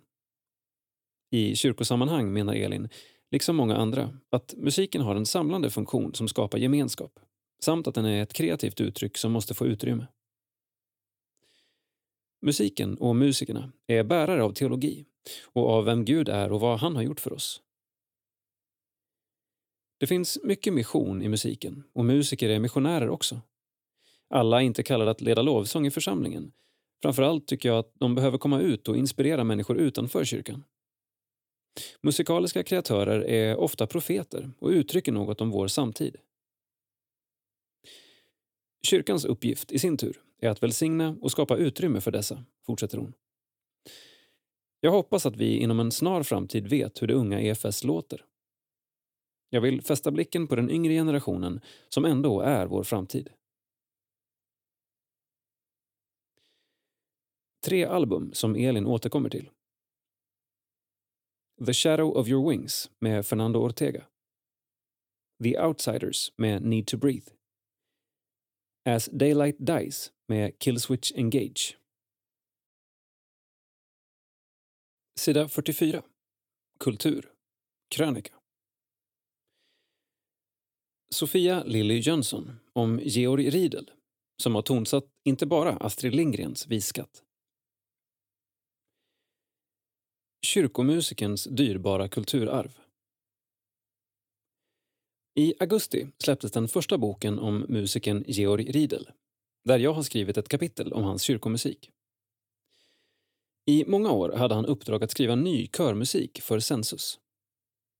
När Georg Riedel på 1960-talet tillsammans med pianisten Jan Johansson och saxofonisten Arne Domnerus och andra jazzmusiker började att spela i kyrkorna var de pionjärer på en helt ny konsertscen. Körledaren Leif Strand berättade för mig att det hade varit omöjligt att spela jazz på 60-talet i pingströrelsens församlingar men hos baptister och missionsförbundare mottogs musiken generellt väl. Strand sa bland annat de spelade sig till kärlek, de här pojkarna. Georg Riedel föddes 1934 i Karlovy Vary, en klassisk kurort i dåvarande Tjeckoslovakien på tyska gränsen. När han var fyra år gammal lämnade familjen landet. Vänner med känningar i nazistpartiet visste vad som var på gång. De tyska trupperna marscherade in i landet i oktober 1938. en tysk socialist och en judinna. Georg Riedels pappa och mamma skulle inte ha överlevt kriget om de hade stannat kvar. De bosatte sig i Stockholm och fortsatte där i sina yrken som arkitekt och barnläkare. Lille Georg gick i Adolf Fredriks sångklasser, lärde sig spela fiol och så småningom kontrabas. Han upptäckte jazzen, åkte på turnéer i folkparker och kyrkor. Han är upphovsman till Astrid Lindgrens Visskatt. Sångerna om Emil, Pippi, Alfons. En judisk flyktingpojke tonsatte den svenska barnkammaren. Det är omöjligt att tala statiskt om kulturarv när man har insett det. Den judiske kyrkomusiken kan verka som en paradox, men kulturens dynamik förklarar saken. Där gränser ritats för att skilja det ena från det andra är människan en upptäcktsresande. Hon tvivlar och anar. Hon läker världen när hon leker. När Georg Riedel skrev sin kristna mässa infogade han två egna satser till de latinska Gloria, Benedictus, Sanctus och Agnus Dei. Ego dubito och ego presentio. Jag tvivlar. Jag anar. De klassiska kyrkliga texterna är allmängods för en tonsättare. Men det hade inte känts ärligt att inte beskriva sig som en tvivlare. Tilltaget säger så mycket om vad kultur är. Ordet för det mänskliga som beskriver allt vi gör. Från gurkodling till gudstjänster. Träden har rötter. Människan har fötter. Vi kan röra på oss och testa gräset på andra sidan staketet. Vi är personer med en egen vilja. Samtidigt tar vi med oss traditioner och erfarenheter dit vi går. Kulturer korsbefruktas över gränser. Få personer är bättre exempel på det än musikern Georg Riedel. Sofia Lilly Jönsson Under augusti gav Bo Ejeby förlag ut Georg Riedel, jazzmusiker och kompositör. En bok om en av Sveriges främsta musiker. Sida 46. Kultur, läsning. Människan behöver Gud. Joel Halldorf är lärd, skarpsinnig och skriver i sina bästa stunder gudabenådat vackert i nya boken Gud, jakten. Anser budbärarens recensent. Text Stefan Gustafsson. Bild Christer Sturmark. Gud, jakten. Joel Halldorf. Fri tanke 2020. Recension. Halldorf blandar skickligt populärkultur med finkultur. Artister med akademiker. Samtidsfenomen med idéhistoria. Och randfenomen som scientologerna med den globala pingstväckelsen. Tesen i Gudjakten är att alla människor är religiösa och att det visar sig också i en sekulär kultur. När människor gjort sig av med idén om Gud betyder det inte att behovet av Gud försvinner. Tvärtom, en på ytan gudlös värld kännetecknas av en hetsig jakt på substitut för Gud. Här gör Joel Halldorf en briljant exposé över samtiden och visar hur sökandet efter Gud bara tagit nya former. Det utgör ett starkt argument för Guds tron. Människan behöver Gud. Joel Halldorf använder teologin för att förstå världen. Men boken väcker också teologiska frågor om hur vi ska förstå Joel Halldorf. Den första frågan gäller i vilken riktning, mot Gud eller bort från Gud, som kulturen rör sig. Enligt Paulus vittnar skapelsen om Gud och Joel Halldorf visar hur Gud kallar på människan från olika håll. Det utgör bakgrunden till vad han kallar människans helighetslängtan, en inneboende törst efter helighet.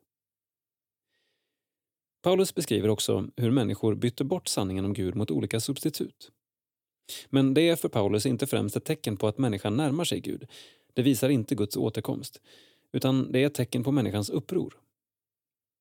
Ordvalet hos Paulus är inte helighetslängtan, utan ogudaktighet. Den andra frågan gäller teologisk grundsyn. Boken utgår från en skapelseteologi som får sin bekräftelse i inkarnationen. Skaparen säger på djupast möjliga sätt ja till skapelsen genom att själv bli en del av den. Perspektivet är mycket viktigt och vackert. Samtidigt har Jesu försoningsdöd och hans uppståndelse inte någon nämnvärd plats i boken. Inte heller omvändelse eller personlig tro. Betoningen ligger istället på att Gud är närvarande i alla människor och i alla kulturer. Människan kan söka Gud genom en inre resa eftersom Gud redan bor där. Men hur det förhåller sig till att det är genom Kristus vi får kontakt med Gud förblir outsagt. Joel Halldorf företräder i många frågor ett romerskt katolskt perspektiv på kristen tro. Och Andra Vatikankonciliet, religionsteologi, går ju att tolka som att alla människor har del av Guds frälsande nåd och är på en resa på väg mot Gud. Utan att det sägs i boken är dess innehåll, det är min tolkning, färgat av ett sådant perspektiv. En tredje fråga gäller reformationen. Joel Halldorf erkänner att han är svag för islam. Detsamma kan inte sägas om hans inställning till evangelisk tro. Boken andas en hel del kritik mot reformationen och det kan kanske vara förståeligt med teologisk hämnd efter 400 år av evangeliska svartmålningar av romersk-katolsk tro. Men eftersom ett av bokens syfte är den respektfulla dialogen sänker det boken en del. Det är slarvigt och missvisande när det gäller hur begrepp som tron alena beskrivs eller hur den lutherska synen på arbete omtalas. Eller när det sägs att enligt reformatorerna kom tron av predikan. Som om det var en dålig idé från Luther och Calvin. Men det är ju ett citat från Paulus. En fjärde fråga gäller synen på familjen. Joel Halldorf har länge levererat träffsäker kritik av samtiden. Med sina tidningstexter har han skapat mer oro i det liberala intellektuella skiktet i Sverige än någon annan. Det är beundransvärt. Lite onödigt är det därför att han så politiskt korrekt hävdar att Jesus själv bryter upp kärnfamiljen. Det är en anakronism. Kärnfamiljen som vi definierar den idag, den slutna mamma-pappa-barn-relationen, var inte aktuell i antiken. Där var flergenerationsboende, storfamiljer och släktsammanhållning det självklara. Jesus bryter inte upp någon kärnfamilj. Jesus bekräftar äktenskapet mellan en man och en kvinna som en institution från skapelsen. Vidare höjer han upp kallelsen att leva i celibat som likvärdig med att leva i äktenskap, vilket var en ovanlig hållning i samtiden. Och han underställer allt i våra liv under Guds rike. Mina frågor och kritiska kommentarer förändrar inte det positiva jag inledningsvis skrev om boken. Men det kan komplettera lovorden med en analys av vad det är Joel Halldorf gör, vad han utelämnar, vad jag tror det är för grundparadigm bakom hans tänkande. Och den lyfter fram ett antal svagheter i en med rätta hyllad bok. En livsvandring mot frihet Mikael Hallenius skriver om att vinna en trons stabilitet i Ett dubbelt svek. Vår recensent blir berörd av både berättelse och budskap. Text Lars-Göran Sundberg. Bild Frida Funemyr. Ett dubbelt svek om trons prövning. Mikael Hallenius. Marcus förlag 2019. Recension Spåren av vår historia. De bär vi med oss så länge vi lever. Det är en annan sak på vilket sätt dessa spår spelar roll och skapar villkor på livsvägen. Så är det oavsett om man är Jesus efterföljare eller inte. Däremot finns det på trons och evangeliets väg en del redskap och möjligheter som annars inte är möjliga att göra anspråk på. Mikael Hallenius, pastor, teolog och lärare på Akademi för ledarskap och teologi bjuder in oss som läsare att ta del av några viktiga passager i hans livsvandring. Han gör det på ett mycket personligt sätt samtidigt som han hjälper oss att navigera i flera avgörande teologiska och själavårdsmässiga frågeställningar som anknyter till färdvägen. Hans erfarenhet bär på två föräldrars svek. Det är svårt att omfatta det vakuum och de djupa reaktiva spår sådana borrar in i livet. Dessutom kan man ana de konsekvenser som följder om man inte får hjälp med en medveten och god hantering av emotionella sår som så interagerar med livet med Gud, gudsbilden och som författaren skriver, prövar tron. Visst, inte alla har vuxit upp med en alkoholiserad förälder eller föräldrars skilsmässa. Inte heller har alla erfarenhet av att vara adopterade. Däremot är mänskliga svek mycket frekventa. Såväl från föräldrar som olika typer av vänner. Det är nästintill ofrånkomligt. När svekets eller bortvaldhetens känsliga spår får löpa fritt kan de få förödande konsekvenser. Hallenius synliggör ilska som en sådan brottningskamp som behöver hanteras. Han blottlägger också hur tron på en god och trofast Gud känslomässigt kan undermineras av det som sker med sår som inte hanteras väl. Men han visar också att det inte måste förbli så och att man inte måste bli kvar i en offerroll. Tron kan ha en stadig fästpunkt utanför mig själv och förstärkas mitt i mänsklig turbulens. Hallenius lotsar läsaren genom några viktiga knutpunkter där slaget står och ställer oss inför val och överväganden som kan leda till något fast att hålla sig i när allt annat brister. Här inkluderas den kristna gemenskapen och vad som i och genom den skapar ett kollektivt stabiliserande minne. En viktig aspekt i samtidens så ofta individuellt fokuserade lösningar. Bokens erbjudanden är inte lättköpta men borgar för steg mot frihet, både genom möjligheten att vinna en trons stabilitet och emotionell lättnad. När jag väl kommer till slutet är jag berörd av både berättelse och budskap. Det är riktigt bra. Samtidigt kan jag inte låta bli att tycka att bokslutet kommer lite abrupt. Det är som en önskan att Hallenius tagit mig i handen som läsare över ett kapitel till. Varför låter han mig inte veta något om hur fortsättningen skulle kunna se ut när jag utifrån det saliga bytet valt att släppa taget? Det här är en välskriven bok. Jag tycker om språket. Kanske berättar jaget ibland byter allt för många positioner, men jag förstår tanken. Förankringen i Bibeln och klassisk kristen tro är tydlig. I sitt lilla omfång har boken ett stort budskap som både är förankrat i Bibeln och själavårdande tanke. Att boken är bra korrekturläst, vilket inte är givet nu för tiden, gör läsupplevelsen inte sämre. Mikael Hallenius är teolog och filosofie doktor i pedagogik. Han undervisar i etik, systematisk teologi och pedagogik och är tillsammans med frun Agneta pastor i församlingen Mötesplatsen i Örebro. Hallå där, Lars-Olov Eriksson, som arbetat med de fyra kommande Roseniusböckerna Guds barns trygghet, volym 1-4. Vad är bakgrunden till antologierna? I EFS arkiv har vi återfunnit en samling originalpredikoutkast av Rosenius som vi i kombination med moderna predikningar vill ge ut. Vad har din roll i processen varit? Jag har varit huvudredaktör för böckerna som ges ut i år och nästa år. Jag har även bidragit med en predikan i första boken tillsammans med bland andra Peter Halldorf och Elisabeth Sandlund. Varför är boken aktuell? Rosenius är 1800-talets viktigaste predikant och genom att be predikanter idag läsa hans predikoutkast och formulera egna predikningar i hans anda vill vi visa på att budskapet som han stod för är tidlöst. Mötas längs vägen. Att låta tron utmanas av livet. Esbjörn Hagberg och Hans-Erik Nordin. Libris 2020. Recension. De två biskoparna, Esbjörn Hagberg och Hans-Erik Nordin, har efter sin pensionering kommit på den lysande idén att fortsätta att mötas, men nu genom att brevväxla.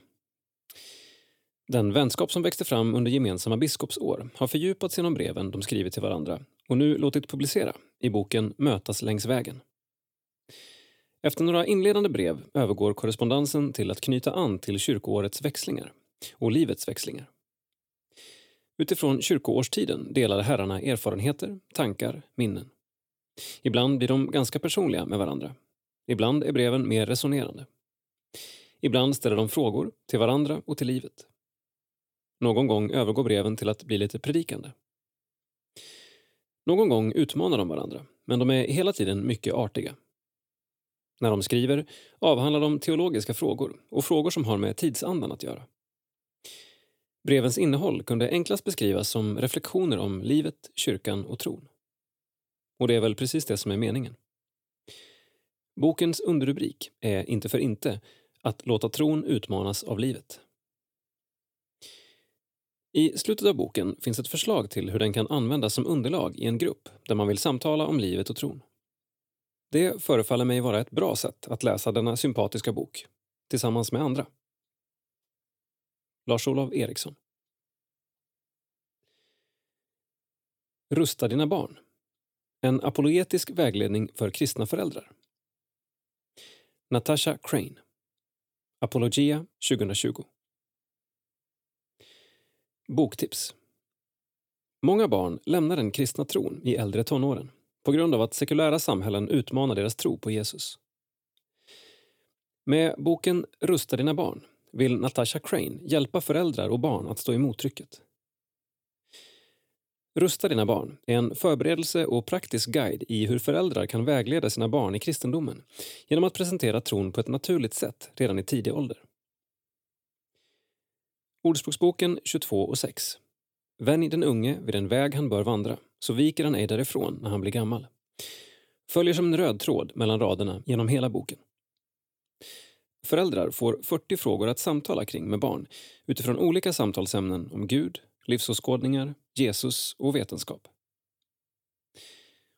Natasha Crane har skrivit tre böcker och driver hemsidan christianmomthoughts.com där hon stödjer över 16 000 kristna föräldrar i att vägleda sina barn i deras kristna tro.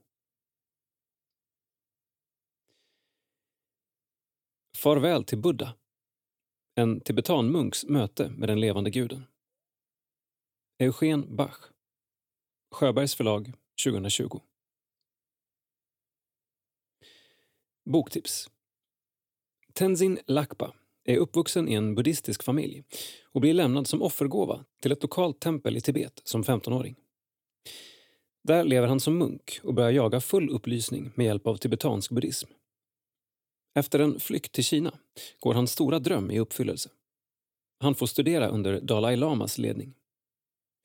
Den högutbildade tibetanbuddhistiske munken hittar dock inte ljuset i buddhismen. Istället får han ett livsförvandlande möte med Jesus. Farväl till Buddha är Tenzin Lakbas sanna, modiga och osensurerade livsberättelse. Nedskriven av Eugen Bach. Tenzins vittnesbörd avslöjar tibetanbuddhismens dimhöljda värld med dess läror och oroande hemligheter och har upprört många munkar som idag vill se honom död. Bästa hälsningar Britta. Goda ord på livsresan från en vän. Britta Bolmenäs. Marcus förlag 2020. Boktips. I morse vaknade jag en halvtimme innan väckarklockan skulle ringa. Fick den där härliga bonusstunden när man varken riktigt sover eller är riktigt vaken. Då drömde jag att jag tog fram mobilen och kollade mejlen. Jag hade fått mejl. Mejl från Gud själv. Så inleder pastorn Britta Bolmenäs sin första bok med utdrag ur hennes eget liv till uppmuntran och stöd för ditt och mitt liv. Bästa hälsningar Britta är en lättläst bok i brevform och ger läsaren perspektiv på livets stora och små frågor. I kapitlen som Om tid, Dagarna som blev mitt liv och Ett vanligt heligt möte får vi läsa om vardagens utmaningar, den viktiga vänskapen och varför det aldrig är kört. Här blir författaren oansträngt läsarens egna hejaklack. Ständigt pekandes på Jesus och hans outtröttliga nåd och omsorg. Britta Bolmenäs är teolog, pastor och ofta anlitad talare.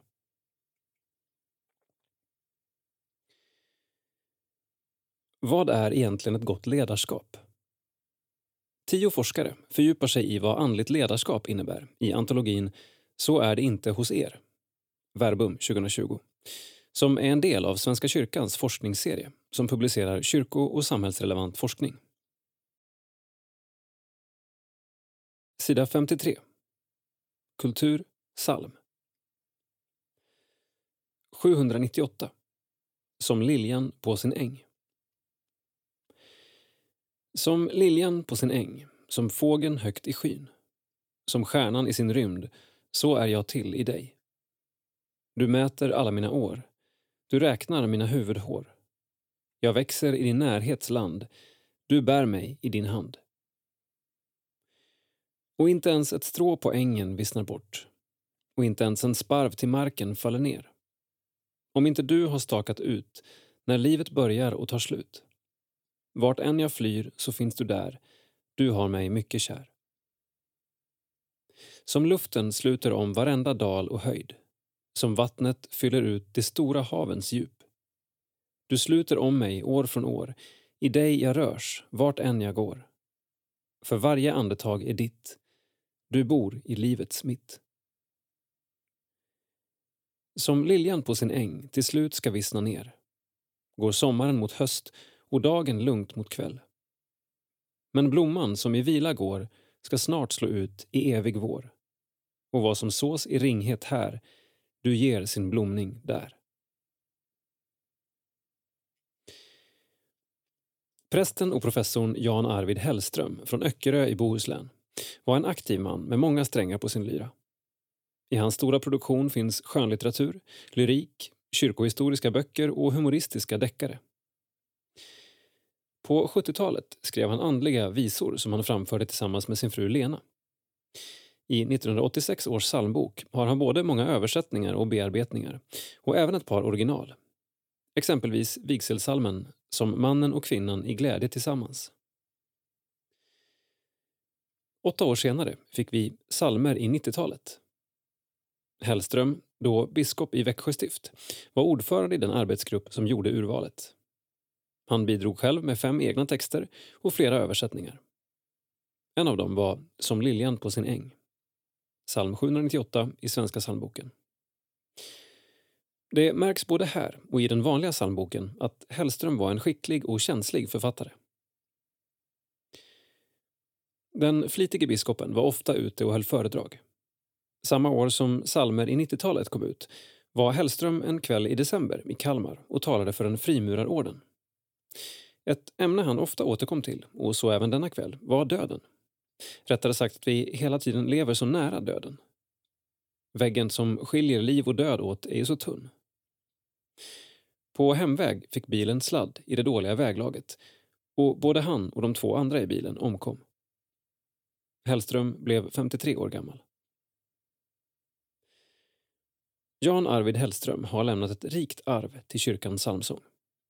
Men den psalm som alldeles särskilt blev hans testamente är Som liljan på sin äng, som självklart togs med i det nya psalmtillägget från 2002. Denna psalm med sin djupt bibliska text och följsamma melodi har många tagit till sitt hjärta.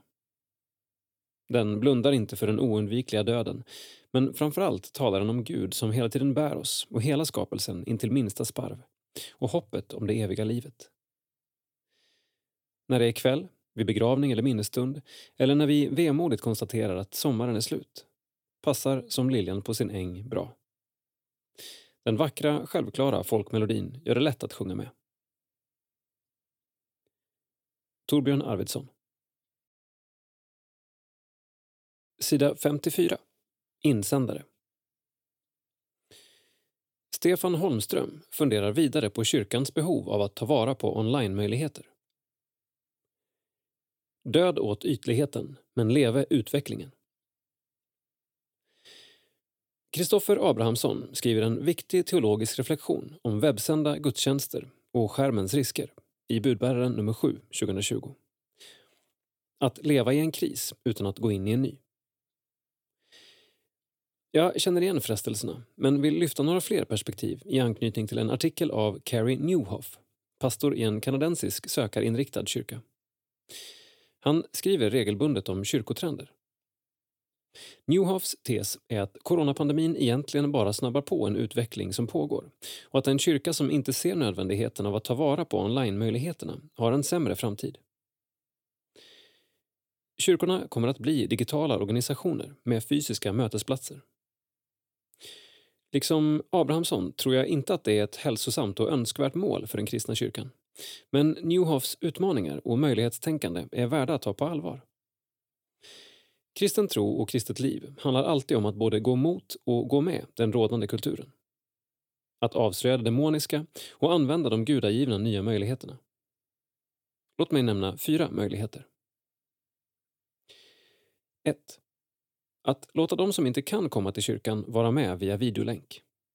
Inte anpassa formen för att den ska funka för tittaren, men som ett sätt att vara med, liksom i en bänkrad vid sidan om. Vartefter kommer allt fler avsidestagna att kunna streama. Viktigt för givandet. 2. Att erbjuda bra undervisning on demand, det vill säga när någon har tid och önskar se den. För enskilda, för hemgrupper, för kurser som alfa. 3. Att ge möjlighet för anställda och ideella att vara med på exempelvis planering, även om man inte kan vara med fysiskt vid just det tillfället. Att rent av ha vissa sammanträden och möten via video. 4. Att multiplicera goda seminarier och konferenser i ett avlångt land. EFS på Metallgatan i Ängelholm har varit föregångare i detta genom sin tv-kanal. Ingenting kan ersätta fysiska möten. Vår bönegrupp har överlevt våren tack vare Google Meet. Vår bibelsökargrupp har Zoom-utvecklats. Men hur härligt och viktigt har det inte varit att kunna mötas fysiskt några varma sommarkvällar? Att se ögon och minspel live. Så målet behöver vara en inkarnerad gemenskap med digitala möjligheter. Utmaningen är att detta kräver kreativitet och kompetens och att kvalitet kan kräva kostsam utrustning. Men i och med att mobilkamerorna blivit allt bättre kan även det mindre sammanhanget åstadkomma stora saker. Och hur många tycker inte att video och digital teknik är hur kul som helst? Låt oss ställa det i skaparens och evangeliets tjänst. Död åt ytligheten, men leve utvecklingen. Stefan Holmström, tidigare missionsföreståndare EFS.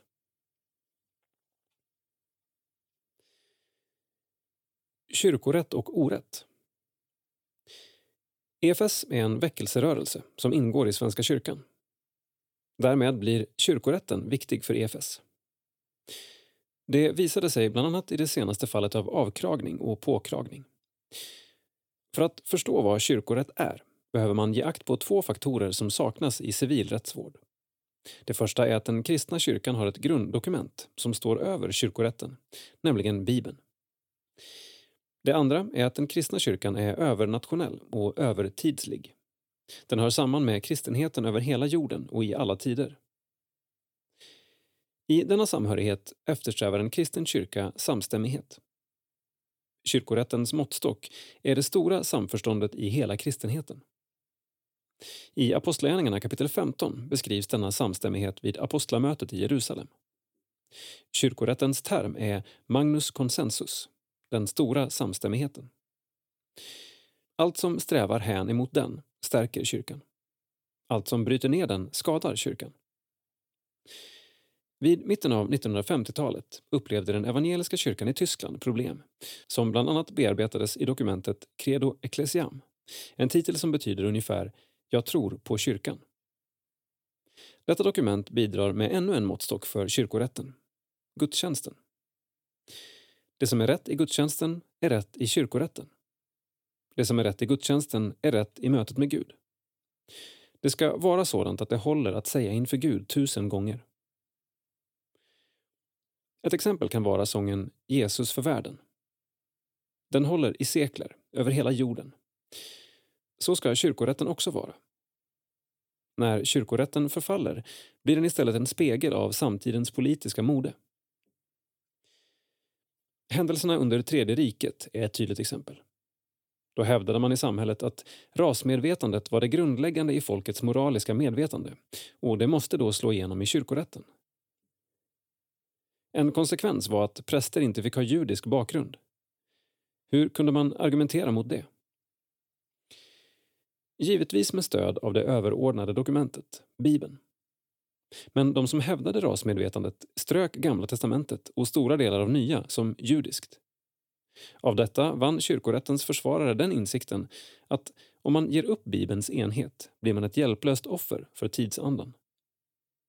En grundläggande kyrkorättslig regel i Bibeln är att endast ta upp klagomål som stöds av minst två vittnen. Att vara vittne innebär att inför den tilltalade, utan andra vittnens närvaro, föra fram sitt klagomål. Minst två vittnens berättelse måste överensstämma. 1 Timoteus 5.19. Endast i sådana fall kan en anklagelse beaktas. Minderåriga är inte vittnesgilla. Ett tänkvärt exempel är häxprocesserna. På 1900-talet förekom att anmälningar till domkapitlet användes för att trakassera präster. I ett fall upp till 40 anmälningar från samma person. Alla utan grund. I samhällets rättsvård är falsk angivelse ett brott och kan ge böter och fängelse upp till två år. Sådana möjligheter har inte kyrkorätten. Men det är tänkvärt. Christian Brav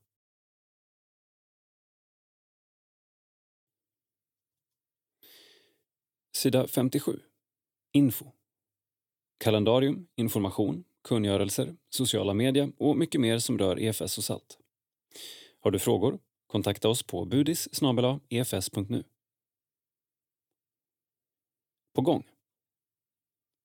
26 september, online. CBG, EFS årliga insamlingsprogram. I år sänt från Somalia.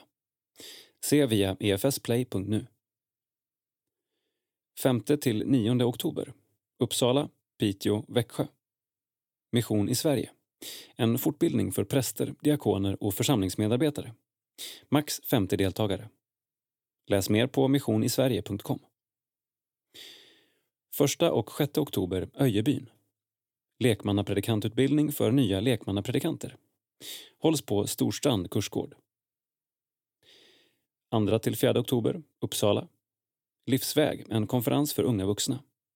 Lötenkyrkan samt online på efsplay.nu. 15 oktober online. Webbseminarium om styrelsearbete med Berne Persliden sänds via Zoom.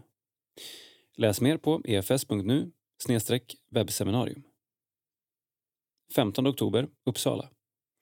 Johannelund, sista ansökningsdagen till programmen för vårterminen 2021.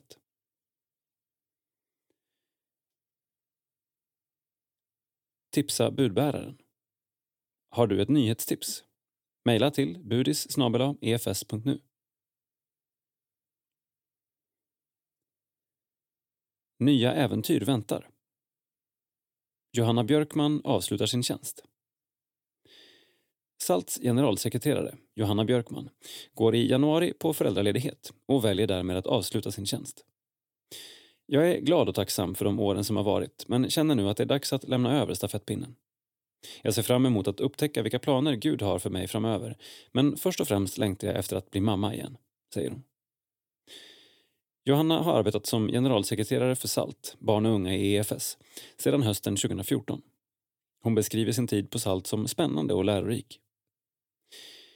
Mitt hjärta för barn, unga och för SALT finns kvar och det ska bli spännande att få följa SALTs utveckling framöver. SALTs styrelse kommer under hösten att påbörja rekryteringsprocessen för en ny generalsekreterare. Läs hela pressreleasen på salt.efs.nu.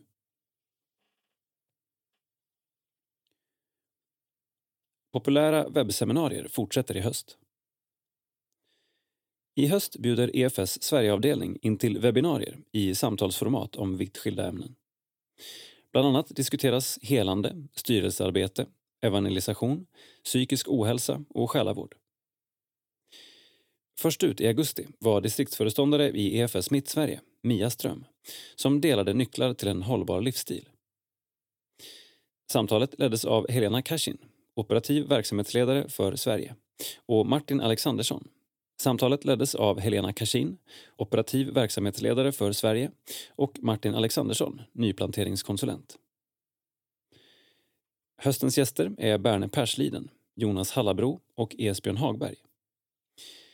Webbinarierna sänds klockan 20.00 via Zoom med ett maxantal på 97 deltagare. Relationen mellan Svenska kyrkan och EFS är god. Samarbetsrådet med representanter från Svenska kyrkan och EFS träffades i början av september på EFS kansli i Uppsala. Det var givande och bra samtal vi pratade utifrån Marie Rosenius forskningsrapport om samarbetskyrkor, men också om avklagningsärendet i Luleå. EFS har tydliggjort hur vi vill att en liknande situation ska hanteras i framtiden. Berättar Kerstin Oderhem, EFS missionsföreståndare.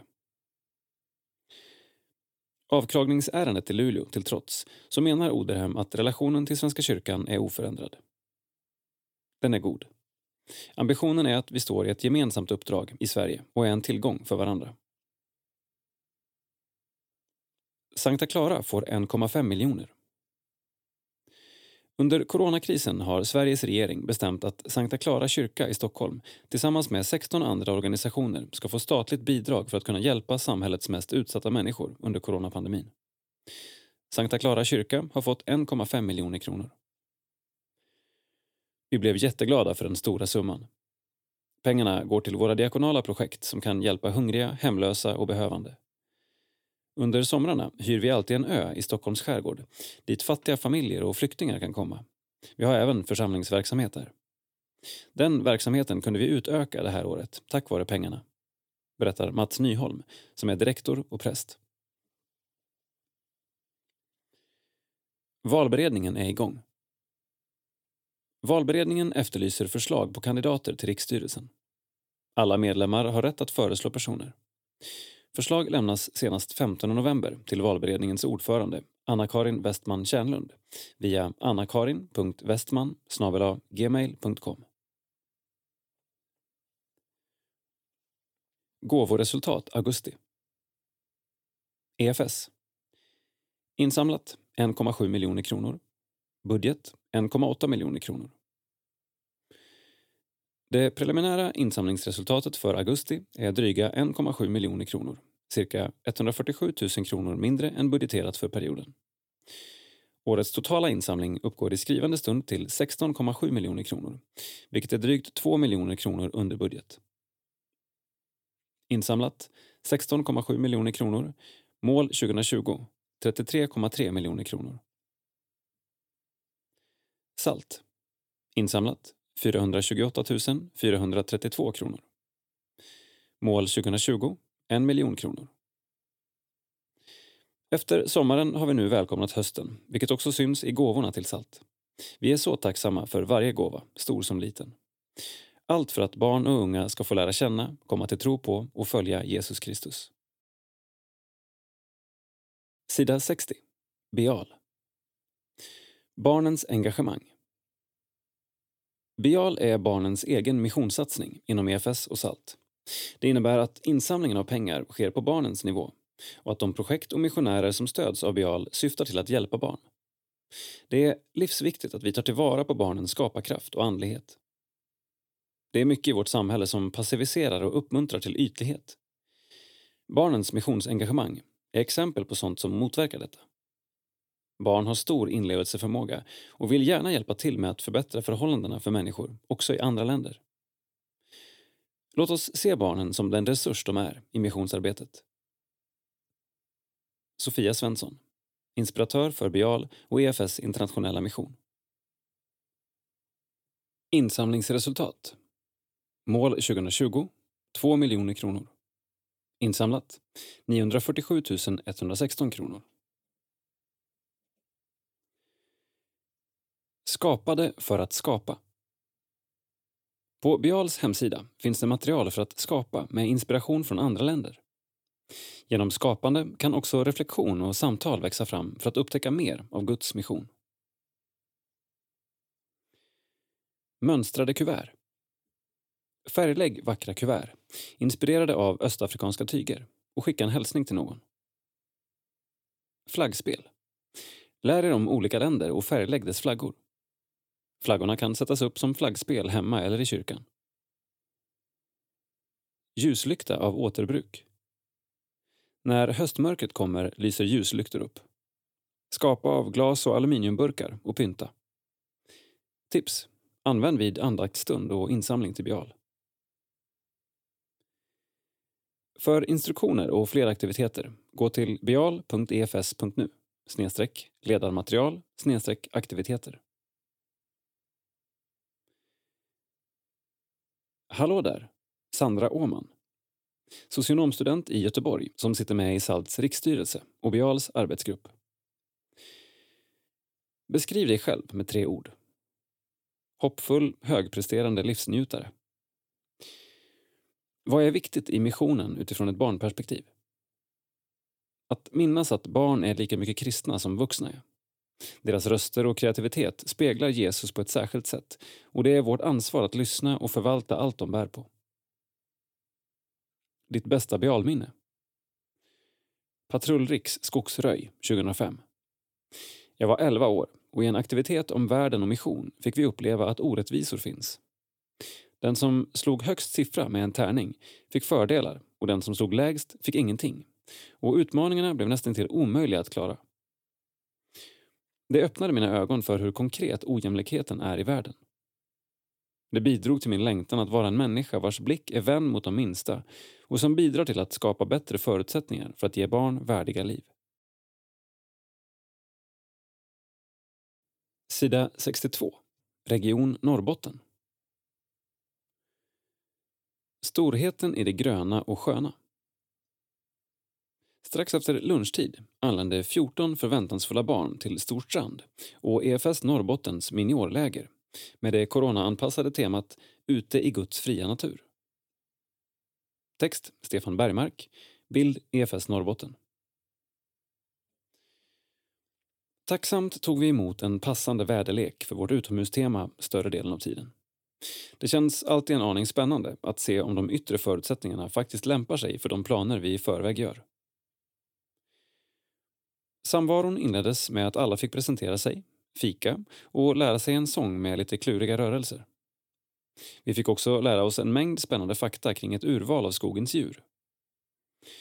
Barnen spanade efter fåglar med hjälp av kikare och som tur var hade det samlats ett gäng gosiga fåglar av fluffigt tyg vid strandkanten.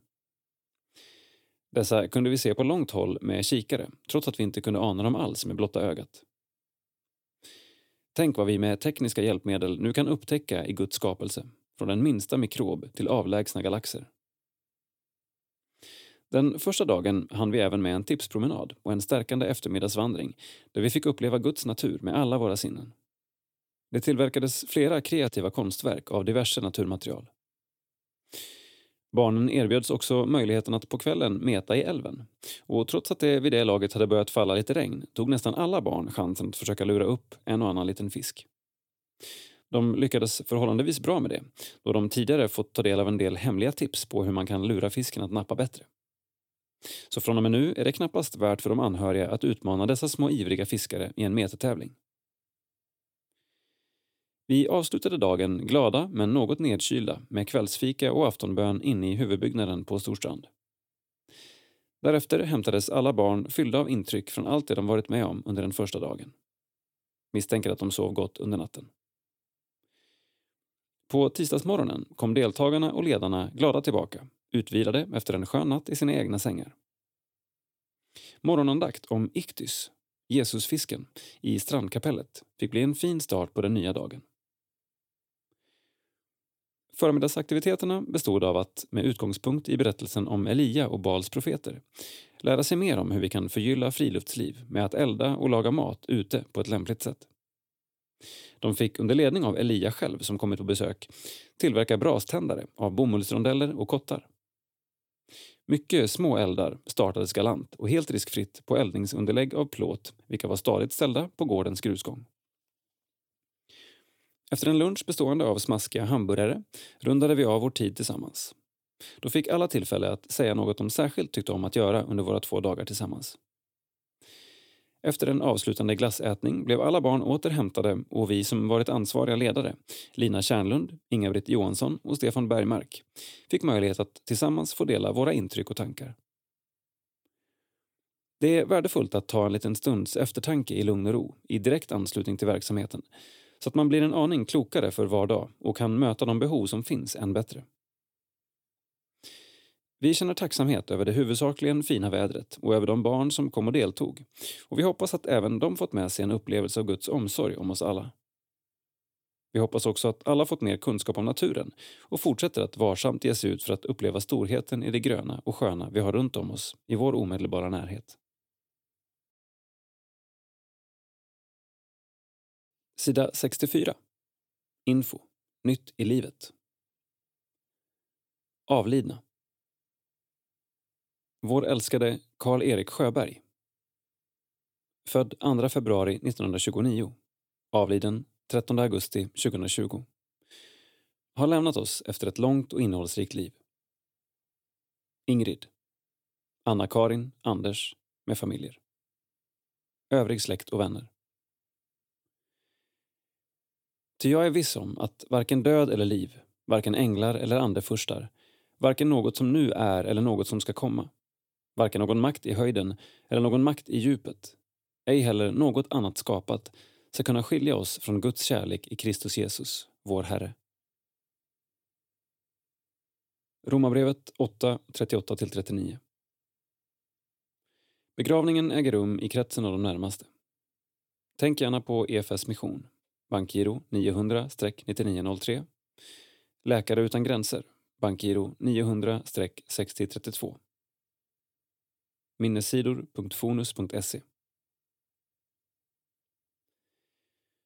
Vår kära Birgit Andreasson, född 19 april 1928, har stilla insomnat i sitt hem efter kort tids sjukdom.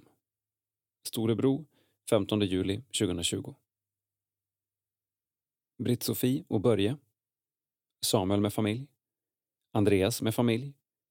Torbjörn. Peter. Simon, Katarina.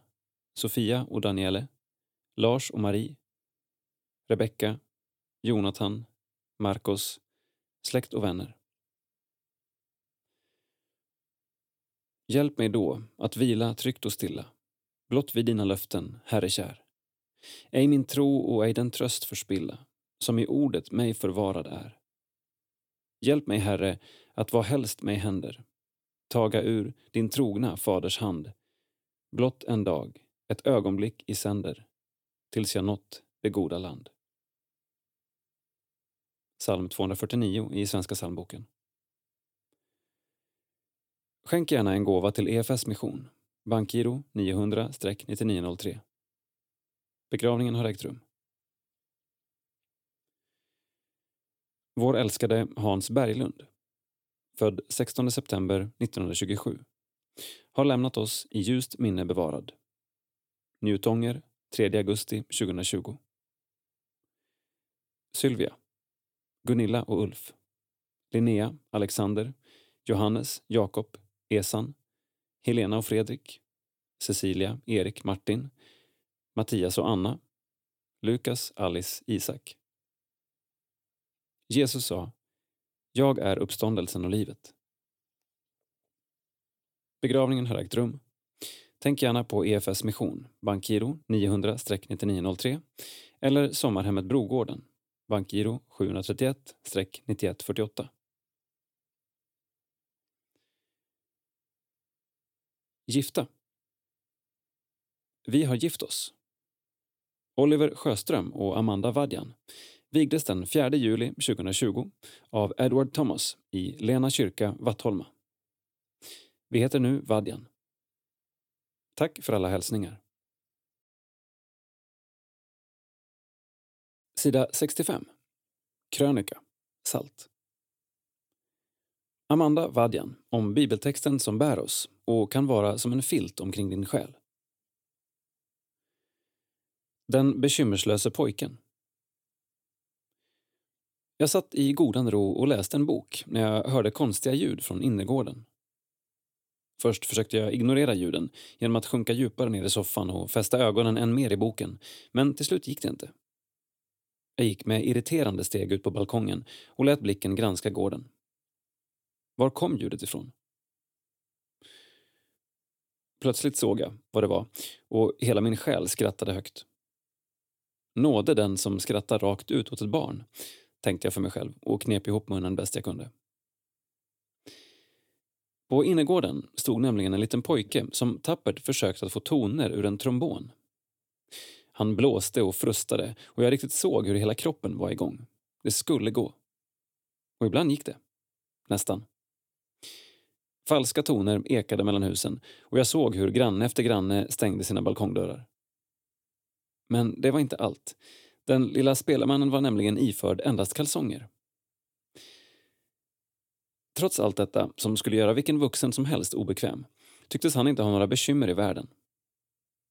Jag drog en lättnadens suck och kände i mitt inre hur den helige Ande påminner mig om mina favoritverser från Matteus 6. Gör er därför inga bekymmer. Fråga inte. Vad ska vi äta? Vad ska vi dricka? Vad ska vi ta på oss? Allt sådant jagar hedningarna efter. Men er himmelske fader vet att ni behöver allt detta. Sök först hans rike och hans rättfärdighet, så ska ni få allt det andra också. Gör er därför inga bekymmer för morgondagen. Den får själv bära sina bekymmer. Var dag har nog av sin egen plåga. Den här texten söker sig djupt in i mig. Ner i varje ven och artär. Den viskar ljuva hemligheter och lugnar mig som få andra saker kan. Att få vara helt omsluten av vår himmelske fader. Att få slänga all oro inför framtiden på honom. Det är grund stabil nog att bygga hela sitt liv på. Efter sommaren följer hösten och inför det känner och tänker vi alla olika. Jag hör barn skämta om att det snart är höstlov och vissa av oss hade nog önskat en semesterdag till. Andra är lättare att vara tillbaka i skola, på jobbet och andra sitter hemma i ofrivillig ensamhet. Oavsett hur det ser ut för dig, slå Matteus 6 och 25-34 som en filt omkring din själ.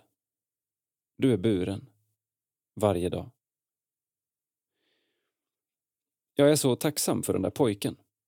Han som spelar så det dånar på innergården så att grannarna stänger sina balkongdörrar.